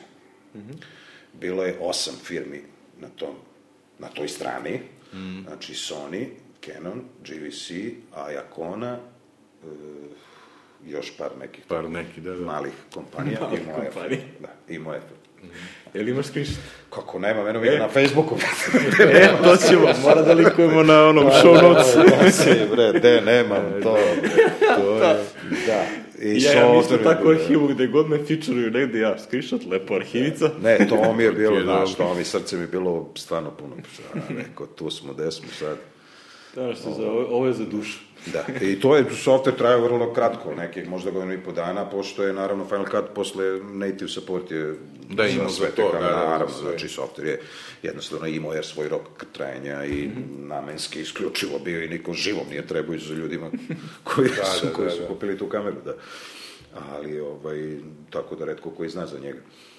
Ali je ceo, kažem ti, eto, animacija cela bila da sam ja hakovo, bukvalno taj GVC file bonitu, ne, ne verujem da su saznali ikada. I da se cela stvar zavrtela uopšte oko Da, tog da. HD-a i GVC preview i tako, meni je to potpuno fascinantno, Da, da, da. su taj moj hak od dva sata. Srđan se i dan danas to me smeje i kaže, stvarno si magare jedno, jer ja sam naravno posle delio pare s tim Srđanom, on ima svoj procent. Rekao, brate, što da ne misliš šta sad napravio si tu lepo, on sve lepo isprogramirao se. Da, da, ima. Školovanje je koja magare, da, da, da. pravio to, sve ceo ovo, ono, znaš. Ali, sjajno. Sjajno, sjajno, da, i dan danas, kaže, stvarno si magarac, sam se seo, bre, si napisao. Ma, rekao, debe, mrzim me, bre, čoveče. Treba, ajde ti, ajde ti, rekao, da. Ti, uzmi ti. Da, i taman malo i on onda naučio je video i o svemu, znaš, super, baš, baš, ona, mislim, super mi je bilo to. I eto, stekneš i novog prijatelja i sve, i dan danas smo naravno veliki prijatelji. I kao uvod u, ovaj, u sledeće pitanje, ja ću kažem, pošto ja od JVC opreme Kad ćemo da spavamo? Sad ćemo. Od JVC opreme imam onu waterproof malu ručnu kameru i radi perfektno. Uzeo sam od popa stavak pre dva vikenda i snimao sam sina kako igra ono utakmice, turnir su imali HD sve ludilo. HD, brate, Pa, ona, kažem. ali one lice, da, pazi, ovoliki stavak, a kamera, one, svi me gledaju ko kretena, rekao, ljudi, ja stalak uzeo, ko će bre, četiri puta Moj deset drug da nije minuta hakovo, da. neka četiri Gledao puta deset minuta da drži kameru ovako, si normalno snimam to utakmice. Ali imaš ono za selfie, ono, ono šta pi- Nemam To selfie moram da nabavim, mnogo mi je zanimljivo. E, to, to sam Da s tim, poželeo pola sata pre nego što ćeš ti da dođeš ovde, ovaj XR smo čupali, trebalo su bode iza USB i nešto i e, ne vidiš. Ja sa mojim gabaritima ne mogu da Ima legnem taj, da se vidio provučem. sam i, i za Belfi onaj, E, što slikaš. I onda nam je falio sel, selfie stick da stavimo iPhone, da, da koristiš, znaš, ono kao gledalce, da vidiš, Da, da, ovaj, da, da, da vidiš gde su portovi i da nabadaš A drugog. je ono lopovska alepka. E, a moj uvod je, jel imaš još nešto od Apple opreme? Pokazivo si iPhone, prvi Da, originalni. nema. I spomenuo si super priču za iPhone, prvo reci koji iPhone koristiš. Koji iPhone? iPhone Cats, prva serija, prvih 100 komada. Dobio od Apple. Ljubi vas majka, idem na spavanje. Jel sa zahvalnicom? Jel sa šalim zahvalnicom? Je li imao gravirano ono kao... Nema, nema gravuru, ali... A, da, to je sjajno, mislim, potpuno... Čekaj, su- koja verzija iOS-a sad na njemu? Ja ne znam što je je posle. Na njemu je 3.1.3. 3.1.3 je Ne poslednji. znam da li si vidio, da. Da, što to. može, da- ono, da nema. regul, legalno, regularno, normalno. Moj prvi da se- taj, moj prvi taj je bio ono jailbreak, naravno, iz Jailbreak. engleski pa sa, jo, sa O2 ovaj ne može da radi bez jailbreak. I Nije, da, ja mislim da je 3.2, je 3.1.2 da je bio. no, američki je, mislim, ne, naš mora jailbreak da bi uopšte radio. Jeste, jeste. Logično. Meni je pop doneo iz Las Vegasa. Pa ne, rekao, možeš se Imam to, imam jedan, ako ćete i tu da vidite, CDMA imam iPhone 4. Aha. Ko ne zna šta je, to je onaj gde nema rupu za SIM karticu. Da, da, da. Jeste, to mi je internet. Ga to mi je je ono zanimljiv, da iPod- dam ljudima, iPod. kažem, gurni samo SIM, pa pozovi, nema problema. iPod. iPod. nema, bat. Američki original. Čekaj, kako koristiš ovde? Nikako. da, ta, to, ok, u redu je. iPod, Viber, ovo, ono, znaš, u iPod. Nema, ne, pa iPod. Da, iPodova imam sve živo, ovaj, iPod to sam kupao da. u detetu, ima milijarde kući, pobacani Čekaj, na sve. rešao si da i dalje programiraš što iMac 27 inča Core 2 Duo. 27 Njemu radiš- 2009. da, Core 2 Duo, to mi je i imam pored toga još gomilu starih Mekova u Ormanima, više ni ne znam šta, skoro sam Powerbook 1400C sam izvadio igrao Snud, ja čuveni, koji je Snud, Wolf, koga si pomenuo da on nije bio normalan s tim Snudom, uopšte bio je potpuno opterećen Snudom. I Powerbook uh, 17 prvi isto GHz kad se pojavio, ovaj, to mi dalje stoji, ima mix kod neki jedan, ne znam šta. I ja koristim ono Ja za, da, za, 3.2. auto, za auto update koristim onaj framework, kako zove, Sparky, ne, Sparkle. Sparkle, da, da, verziju da. 1.1. Da, to živ čovjek više ne koristi izuzev mene. E, Ovaj. za taj Sparkle sam sad čuo super priču. A, potraži ovaj podcast, pošto ovaj, povremeno slušaš, potraži podcast, ja mislim da je, ja morat će potražim, mislim da je Hurley uh, intervjuisao uh, Andy Matušaka. Andy Matušak je nedavno napustio Apple, on je bio jedan glavnih ljudi u UI kitu uh, za, za iOS, a dečko je napisao Sparkle uh, sa, mislim, 15 ili 16 godina. I niko nije živi, nije imao pojma koliko on ima ne, godina. pojma. I onda otprilike cela masa svih ovog Apple, ono, Mac servera i ostalo svi su ko počeli Svi su to koristiti koristili Sparkle. I tek kasnije su saznali ko je to napravio. Znači, otprilike dečko je napravio ono za Dečko, da, da, vikend. dečko. Software fenomenalan, međutim, otišao je negde, nemam pojma, porastu mu kod, porod, ja, Mhm. 1.1 verzija, ko se tiče, može da se kompajlira jedino na OS 10.4 koji imam u tom Powerbooku Mhm. i dalje i zbog toga, ovaj, pošto menjam sve vreme neke adrese servera za taj update, nije bitno, ja ih Mhm. ubacujem ručno unutra, nemoj on da mi razmišlja ništa.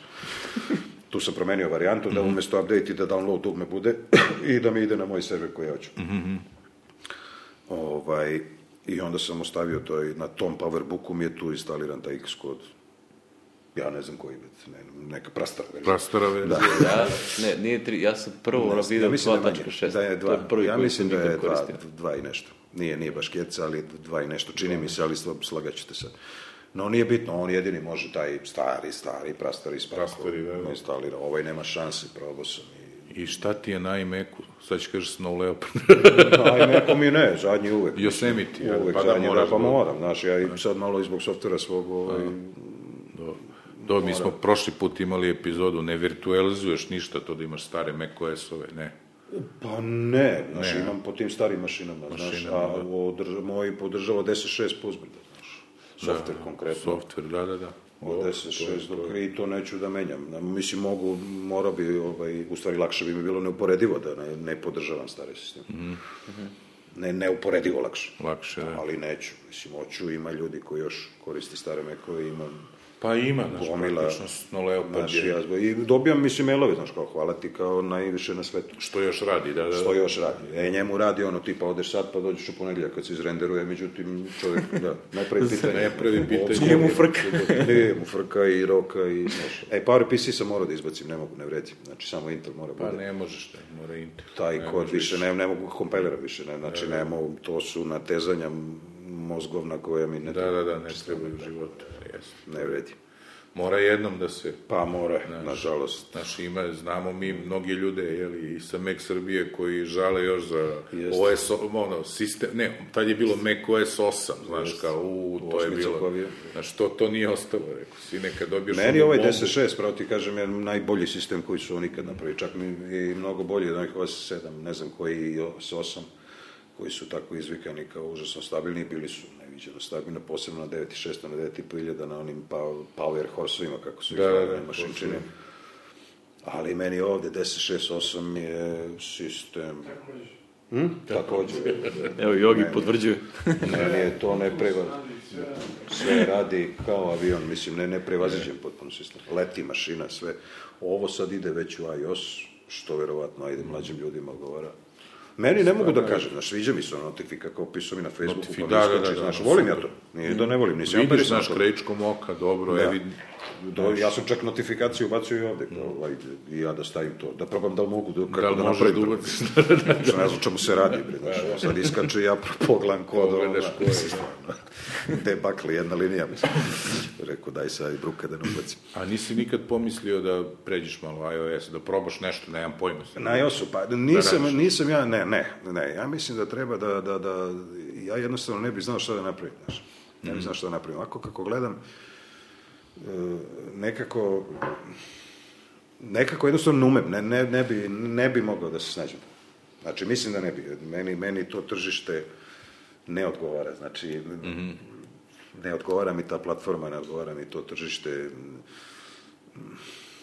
Ne, ne znam kako da to objasnim. Znači, ne, nemam naravno ništa protiv. Da, Da, da, da, pa dobro, Čak i nagovaram svoje. ljude da idu Da idu. uče i, i da rade, razumeš, mislim, ja Pa neću. pazi, to je sad jedino gde, mislim jedino, jedno od redkih gde to raste još. mislim. Jeste, jeste, jeste, ne, ne, ja sve slažem, super je, mislim, stvarno je Mislim, super, evo, biće- teram je bratanicu da uči sad. Biće potrebe za ljudima, to će ga za, Hoće za sigurno. kadrovima. Znaš. Hoće sigurno, ali ja mislim da se ja ne bi snašao. Ne, ne, jednostavno, ni, nisam probao, eto, ne mogu grešim dušu, ni, ali, Ja probao, evo, Rilja već nekoliko godina, prilično je zajebano, to mogu da ti potvrdim. da, evo, isprave ruke. Prve ruke. da, tako da. Pa jest, to je...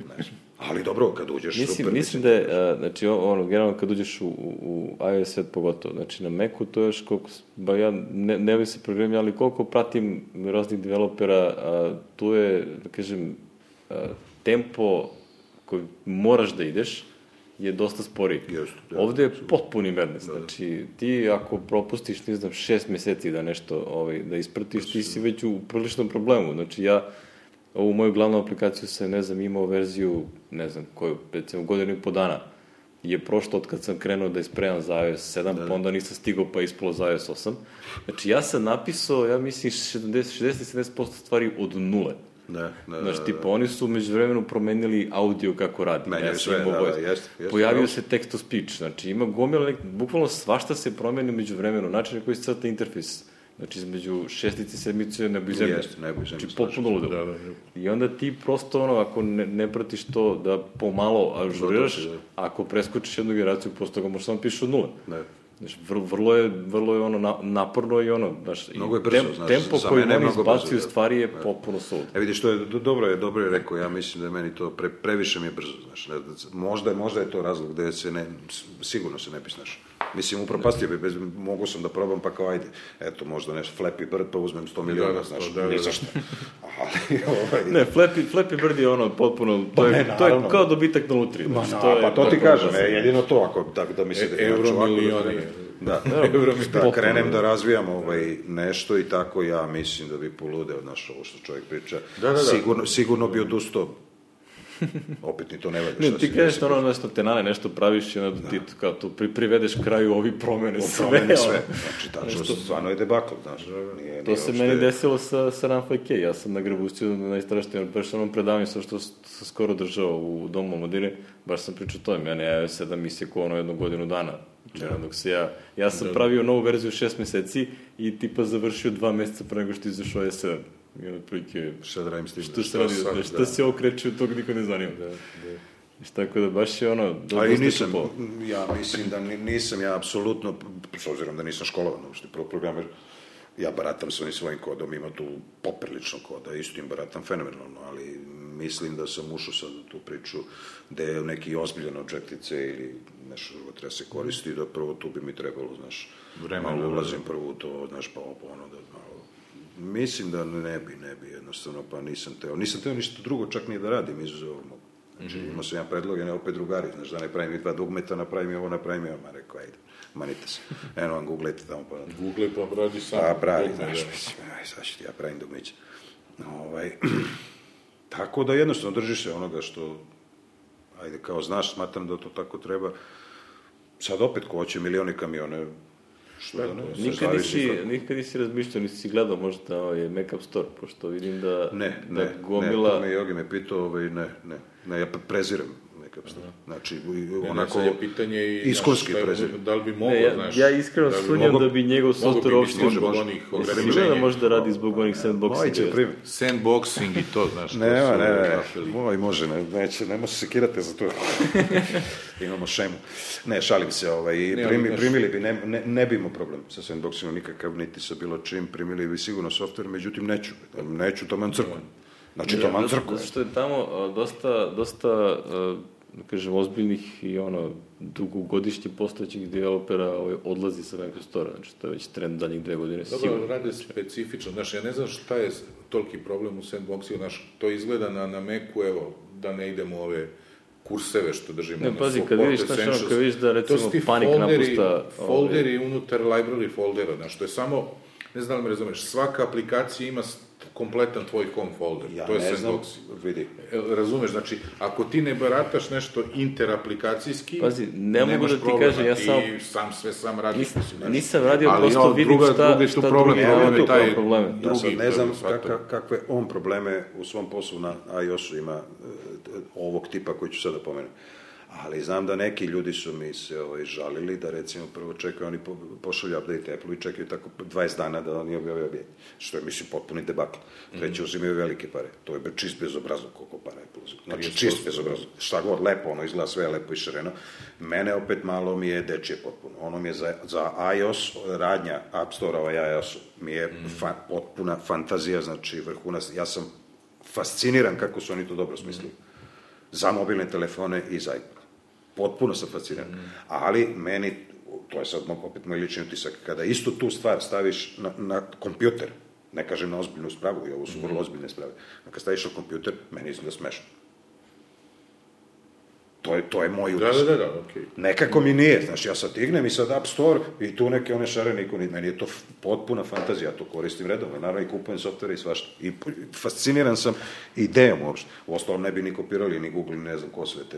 Da, da, da, da su to ne valja. iskopirali, da, da, princip. Ja verujem i da valja i sad Apple isporučuje, ali ja mislim da Apple svoj falakati ovo i ono i tu ima još pet je bio neki solidnih softvera, evo i on kaže već ljudi napuštaju polako. Pa napuštaju ono, text expander je otišao, je li tako? Da, otišao je po raznih... PDF a, pen je moj bilo šta otišao. što pokušao da se tretira, da se postavi kao neki globalni sistem, Sistemski sistemski stvar, software. da. Znači, recimo, text expander, ono, znaš šta. Da, da, naravno. E, to prosto dolazi. nema šanse da funkcioniše, što on treba da bude dostupan svima, ne može da radi u svom dvorištu. Meni juče sam konačno prešao na Yosemite, znaš, na ovom mom. Bez SSD. ovaj, I ovaj, kako se zove, i onda sam dal reinstall, Parallels i nešto sam reinstalirao i kako sam startovao neku virtualnu mašinu, A vi koristite Windows, izvinjavam se. moram, moram. Ja, ja sad idem. Ovaj. Ću srećen. I, ovaj, i te, isključio mi Text Expander, kaže, posljednji neka aplikacija, posljednja je tražila Parallels Desktop, neki secure input, da bi to rešili, kvitujte, ne znam ovo, pa ako se ono neka debakl, neki, ne, isključio mi tekst, ja ono kao kucam, znaš, ono, pošto sam testirao nešto u ovom i sad da odgovorim u našu aplikaciju 4D-u na webu i sad to imam neke skraćenice, znaš, da ne bi kucavo your bug is verified and reproducible and transmitted to quality assurance, ja imam ono BVR, bug verif, znaš, i onda mi to puf je, i onda samo dopiš, i onda sad ništa, kako bre? Šta sam? I onda Ne, sam to, vidio, to, to da, je nema, problem. da nema text expandera, moj život bi bio ovaj, a, Da, mnogo... to bio bi mnogo tužniji, pošto bi mnogo više vremena Ja provodio u volim kucanju ovaj, nemo, opet pogrešno nemojte me shvatiti, ja, meni, meni je izuzetno, što recimo ljudi, gomila ljudi ima protiv, posebno ovi Android klinci, to, to je Linux i ta čuda, ovaj, gde Apple kao navodno sve sadrži pod kontrolom i to sve kod, meni je to potpuno fenomenalno. Znači, ja navijam za to. Za to, Znači, proizvodiš hardware, software, sve ti je tu, nema šta ti, šta ti meni da džaraš po telefonu sad, znaš, evo, ti sad praviš program za da. iOS, Što bi sad, što bi ti sad meni džarao po ne znam čemu tu i ti sve podatke, ma čekaj bre, zemljače polako. Znači, mora se zna neki red. I ista stvar i kod Macintosha. Funkcioniše zato što je potpuno sve pod kontrolom. pod kontrolom, da. Pa sad ko voli, voli, a može se kastimizuje, nemoj sad, mislim. Meni App Store je okej, mislim, znaš, jasni su mi ljudi koji idu i Da, koji da, ne pa idu, meni znaš, isto, znači, meni isto, ja. ja Naravno. kupujem PDF pen i text expander, Naravno, ne, nemam ja ništa ovako, protiv, bre. ovo kupim ovde, Daleko toga. jedino što sam ono, veliki problem i pravi je ovaj, zavukli su ove svoje servere, znaš, i ne znam kako ti objasnim. Izašao je, na primjer, imao sam mašinu Minija na kojoj sam teo Maverick server da instaliram, samo što se pojavio Yosemite. I sad u App Store-u, ta mašina inače došla sa Mavericksom, ti kad bi je butovan onaj internet recovery, on bi ti stavio Mavericks. Ovaj, kako se, možda i ne, možda bi čak Lion pre toga, ali nije ni važno. I ja sad hoću Maverick server, ne možeš da nađeš Maverick u svojim purchase, ja imam to kupljeno, ili ne mogu da nađem Maverick server. Ne, nema ga, razumeš, nije ga izlisto, imam Lion server, nemam njega. A nudi mi server koji ja neću na toj mašini, on može da instala- I sad, tu sam imao problem i kako se rešavalo? Na Google-u, tražiš iTunes, App Store, OS X server 3.2 je recimo taj, i on ti da onaj iTunes link. Znači ti klikneš onda i on se namesti u App Store aplikaciji tačno na to, jer same App Store aplikacije ne možeš ga naćiš. I onda, tako smo rešavali. Ne, mislim, ima gomila problema, to je možda pričamo ono tri emisije, ono, to me Da, problemi da, App Store-u, tome. kako je a, sam story je katastrofalan što se tiče pretraživanja, da nađe... U, pretraživanje, Znači, to to, je- sve, ono, to ne znam, i- ima da, gomila problema, znači, to je... Da. Ono- Meni, je- meni je ideja fenomenalna, znači ja kažem... sam da koncept, ništa sam protiv. koncept je jako da, zdrav i koncept. sve, ali a, njima, a, znaš, njih, njih to ne dotiče toliko, znaš, ono, Apple, Apple developeri i programeri ne koriste provisioning profile i Da, da, Science da, i da, sve da, ostalo, da, ništa toga njih to ne dotiče. boli ih uvo, Ako da, im da. smeta sandbox, oni ne moraju da ga koriste, Naravno, nego ga da. zaobiđu i tako, znaš, ima gomila tih stvari. I onda on, znaš, ono, mnogo je, u stvari nije smešno, nego je ono prosto interesantno kad vidiš recimo ljudi iz Apple kad ono odu i krenu da rade van toga, pa treba nešto da pošalju. Da, kad debaklo, se da. sretnu sa tim svim, znaš, Će se obezati. brate, ono, šta je ovo je? Zar sam ovo ja radio? E, ja imam još... E, sad kad sam bio, Ajde, znači, kaži, kad kaži. sam bio na Watch Labu, i sad bila su dvojica tih nekih Apple-ih inženjera i sad ja ovaj, nešto probam i a, ono, oni ti daju uređaje i softver, e, i telefon i, i sat. Dobro. I ti na, na njima testiraš svoju watch aplikaciju i sad šta je fazno, znači ti to treba da se ta dva uređaja da se prijave na tvom nalogu kao provisioning profil da im mogu da potpišeš šta ja znam. I onda on sad, obojica krenu da mi objašnjavaju, kao, ej, nemoj da pustiš iskod na one fix issues.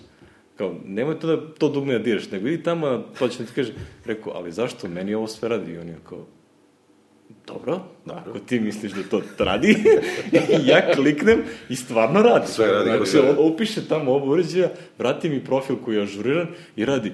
I on kao, ovo nikad nisam video. da, to- Ali bukvalno. I onda ja kažem kao, a, ja znam u čemu je fazon. Znači, ako, a, kako funkcioniše, znači kako se to toga ureda da to funkcioniše. Tako što sam otišao na developer profil i obrisao sve. Znači, kao nuklearna bomba. Znači, sve sam obrisao i onda sam kreirao samo certifikat a, i nakon toga sam pustio Xcode da sve radi sam. Ja. I dokle god ti ništa ne čečneš tamo, dok je sve, Sve svaki karakter kako ga je on poslao i dalje tako i on tu ima neke heševe koje Da, da, da, vratno da, proverava, što njemu sve funkcioniše. Čim nešto prčneš ručno, a to sam uradio jednom i onda sam opet morao sve iz početka, on, ono. On se znači, on kaže, ja ovo više ne prepoznajem i onda nešto radi, nešto ne radi. Slobodno Sad, si ptičica, ludnica. da. I onda je rekao kao, znači, prosto ga ne ideš. I onda ovaj, ovaj lik mi kaže kao, isto ono što mi kažu svi drugi developeri kojima to pričaju, kaže, ali onda imaš kao brdo bez, ono, beskorisnih profila, tipa za svaku promjenu ti imaš, tipa, ja imam stotine profila na, na developer portalu. Ja kaže, znam, ali ja tamo nikad ne idem. Ja ih ne vidim. I baš me briga. Kaže, ja odem, vidim, baš me i briga. baš me briga. Baš me briga. Znaš, ja sve radim kroz ovo. I radi. I radi i čao. I radi otprilike kao na VVDC demo Znači, Da, ono, da, kad da, onaj da, Baja da, da. pokazuje, isto meni tako radi. Zato što on, kad testira software, on urodi ono naš clean install sve, clean, i njemu isto sve radi. Isto sve radi, da, jasno. Tako da je bilo mnogo smešno, znaš, i on je kao, ovo, ovo nikad nisam vidio.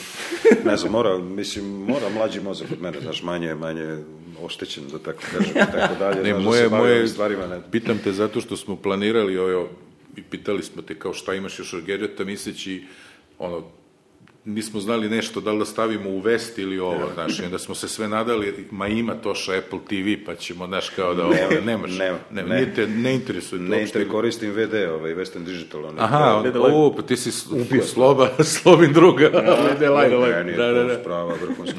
I to sam ja, nažalost, ja sam imao onu pre, pre ovoga live-a. Mhm. Kakav live, meni to, kakav internet, šta će mi internetu? Međutim, crknu. I nemam gde da kupim. I onda sam morao live model da kupim. Da, da, da. meni je to da potpuno fenomenalno. Apple TV isto, što ali eto, jednostavno vede live. Sam Da, da, da. i ostao sam veran, da. Mislim, da, da je više da, da, da, ovaj, da pričamo o tome, zato što se, znaš kako se za Apple pavlja gomila rumora, Dobro. pa onda se posle pojavi kao, e, Apple je odložio nešto. Odložio, Čekaj, da. kako odložio? Nije, Nije nije ni rekao da najavio, postoji da, to da, uopšte. da, znaš. da. I sad je fora, ono, Wall Street Journal, jesu oni napisali? Pa Jesu. opet oni, mislim, Oni su napisali, a, mislio su oni da je... A, ti kažem, samo da vidim ko je... a, Apple još pre godina, znaš ono što se pričalo godinama da će da izbaci televizor. Da, da, da. E, kao još pre godinu dana su Jeste, odustali Wall od toga. Wall Znači, odustali su od televizora i više da. nema i sad ima kao dve glavne zajebancije po, po ovaj, Twitteru i ovaj, to je, da kažem, social medije što ja pratim. Ovaj, Gene Munster će da umre od tuge. Tuge, da. Ako ne znaš ko je Gene Munster. Znači, onaj, onaj što baš stalno najavljuje, da. u svakom analis kolu pita i šta ima novo od televizora. Znači, on će umre od tuge, a druga je fora ovaj, što, a, kao što će da zamene sa time, znaš, šta je zamena. I onda to, to je ono što mene mnogo više Pa zanima. provlači se priča i o kolima, znaš, Elon Musk ovaj, Jeste, jeste. baš bi voleo i tako dalje, znaš, i tu se puštaju neke buje, se Boga pitaj, znaš, to su neki bogati ljudi onako E, malo, ali mene, znaš, mene, polickog mene tipa i Boga pitaj šta je njemu u glavi, Znaš, znaš. ono kao drugi, drugi rumor koji je mnogo izvesniji, a to je da će na buduću da se predstavi novi Apple TV sa SDK, sa TV Kit i To bi bilo razne stvari. Ja imam pod pitanje, to ako saznaš odmah mi javi. Da ćemo morati za App Store na Apple TV-u da imamo novi Apple TV? Odnosno, da li će naše postojeće trojke i dvojke, dvojke neće, ali trojke... Da se dete sistemski. Gotovo sigurno To sam teo mislim- ti, da li bi te tu nešto, pošto si ono video sve to ono, da li bi te tu nešto zainteresovalo da možda, ne vidim šta, znaš, ali Pa Tu nemaš znaš, aplikacija za manje nešto. više n- nemaš tu šta, znaš, i ono čudo mora hakuješ da bi ti puštao bilo koje forma, ono isto na quick time znaš, i A on je sve na quick time znaš, nego nek, nek oni ako naprave App Store za Apple TV, da li bi ti tu pa vidio nešto, nešto, znaš, Pa ne, verujem, ne verujem, protiv, kaže, ja sad, znaš, ovo, kažete, eto, iz ljubavi to radim i nastavit ću da radim, a to je čisto, znači, nikakvu ekonomsku korist, ovaj, ne, ne- nemam, niti joj se nadam, sad je već samo isključivo čisto, eto, ajde. A ovaj, radim to kao malo web, malo ovo, malo ono, znaš, neke druge stvari, držu sam i kafane, držu klubove, držu kafiće, ne, mislim svašta, znaš, nešto u životu. Šta ti ja znam, tako da ne, ne, ne verujem da ću se, da ću se... ući u to. Ne verujem, da. ne verujem.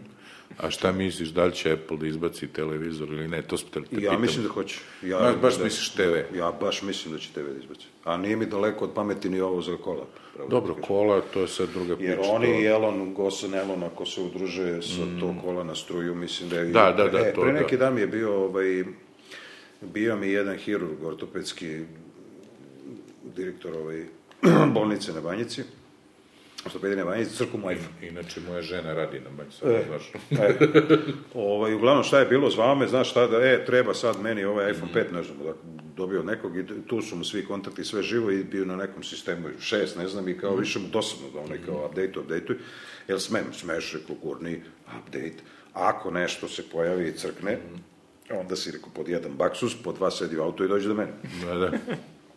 Naravno, ovaj, desi se da nešto neće i došao je do mene ovaj, i dok sam ja to džarao i nameštao, namestio, nije ni bitno, on mi priča priču da je bio na nekom kongresu baš u Nemačkoj i kaže ovo će tebe zanimati, znaš. I bio ovaj u Nemačkoj i Baja, kolega njegov, s kojim je dobar prijatelj već dugogodišnji, kaže ajde malo sa mnom napolje da te provozam i kao ćemo, ajde.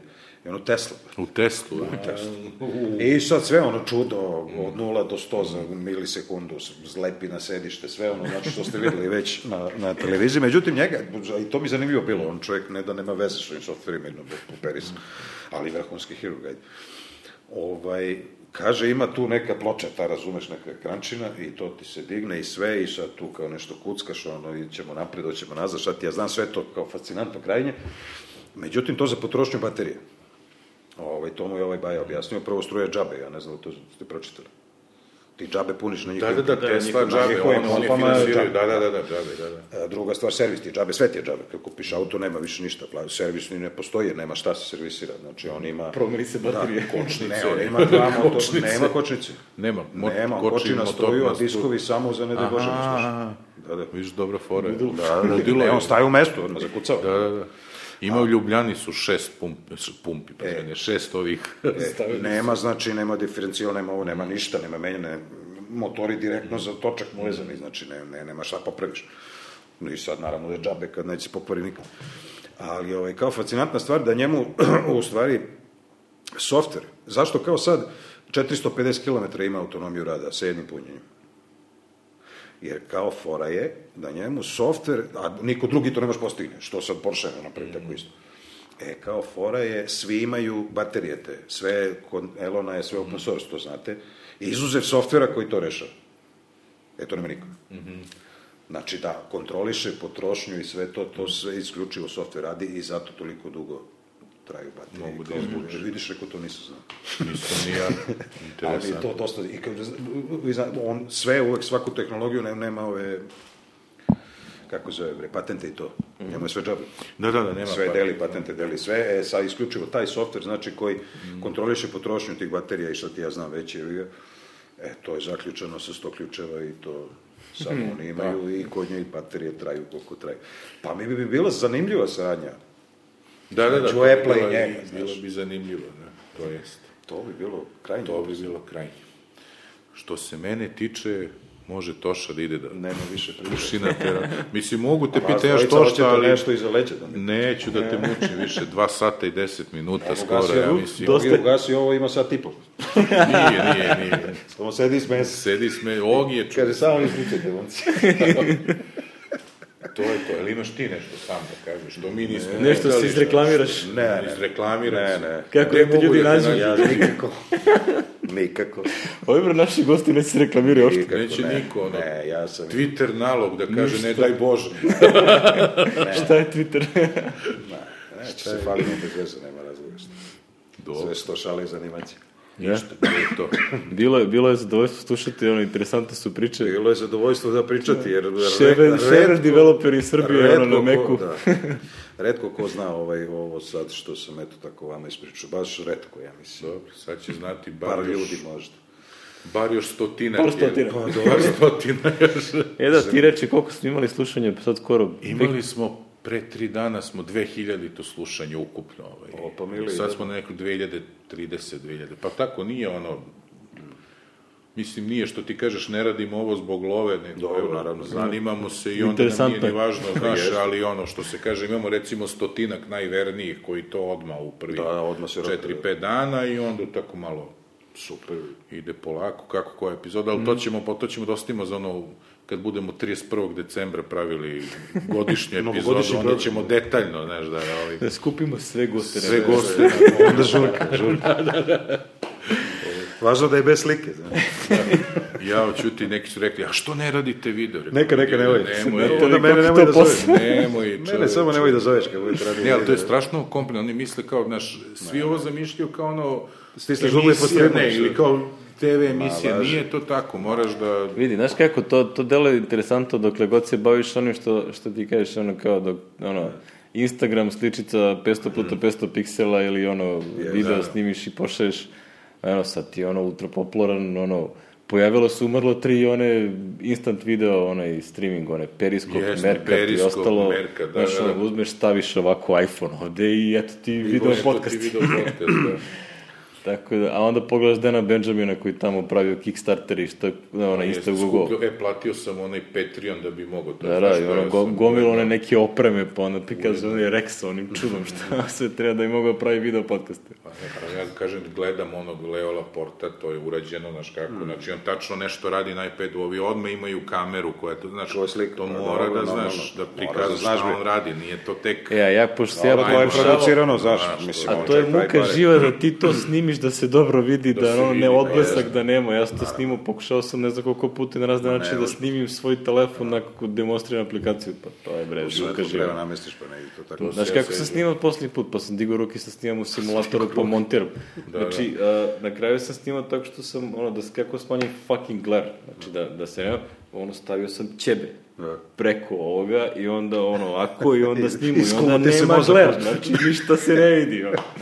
Znači, ludilo.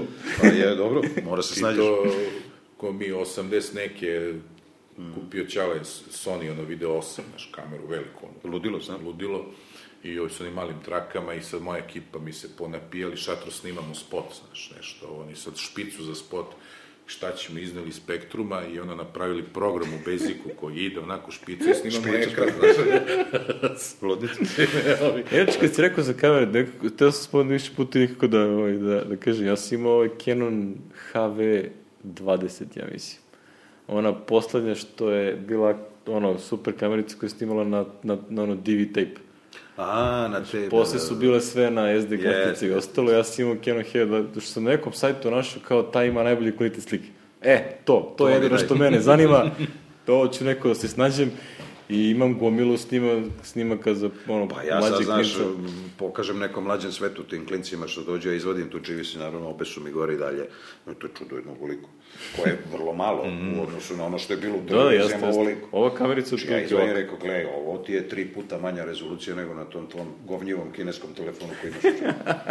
Znači, oni potpuno... Ja, ne, ne, ne, to im fascinantno. A ovo rekao, ne da je bio vrhunac tehnologije, nego. Nemam sad da ti pokažem betinu, ono, o 100 kila to. Ovaj, tako da, ali dobro. Ništa, super, hvala lepo na, na Hvala, gostovanju. hvala vama na druženju, sjajno je bilo, lepo vam je ovde. Odjavljuj. Vi niste mladići, evo da, preporučim ovaj sledećim gostima da mogu slobodno. Slobodno da Da, dođu, to. nismo opasni, ništa nema. Ovaj, stojim iza toga i dalje. A, ovaj, ništa, znači, zahvaljujemo se a, kako Nebojši Nebojši Miljanoviću na, na ustupljenom ovaj, prostoru ustupljenom i, prostoru. i vremenu. Da, ono, kao, on je tu negde iza nas u ne- u nekoj prostoriji, čeka da zaključe. Ove, zahvaljujemo se Ogiju što nas i dalje uredno snima sa sveže obrijenom bradom. Ja mislim da ne snimam. Špicovan, bravo. da, ovaj da... O, Ogi nam je bio mnogo zaposlen, moramo da ga pohvalimo i izreklamiramo. Da, Ogi, Ogi je Oko. bio jako zaposlen, ja sam ovaj, bio na... Da, u stvari, dobro je što si mi Ogi rekao, ja ne bih ni otišao na koncert, znači na koncert bio Voxa, ovaj, sa kojim Ogi, Ogi da kažem, tehnički sarađuje, tako? Znači, sjajan je bio koncert u Kombak Areni, ovaj, a, one njihove pesme definitivno treba čuti ovaj, uživo, kada god imate priliku totalna preporuka. Znači, ja sam kupio album na iTunesu i slušao sam na svom kućnom ozvučenju i to ne, ne zvuči ni blizu onoga kako zvuči u hali.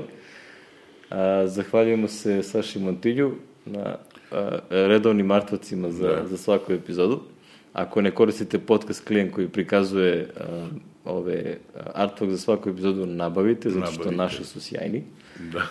A, zahvaljujemo se Aleksandar Ilić na, na Ilkici, logotipu da, na i logotipu. a, Vladimir Tošić, Vladimir Tošić na za, muzici. za muziku.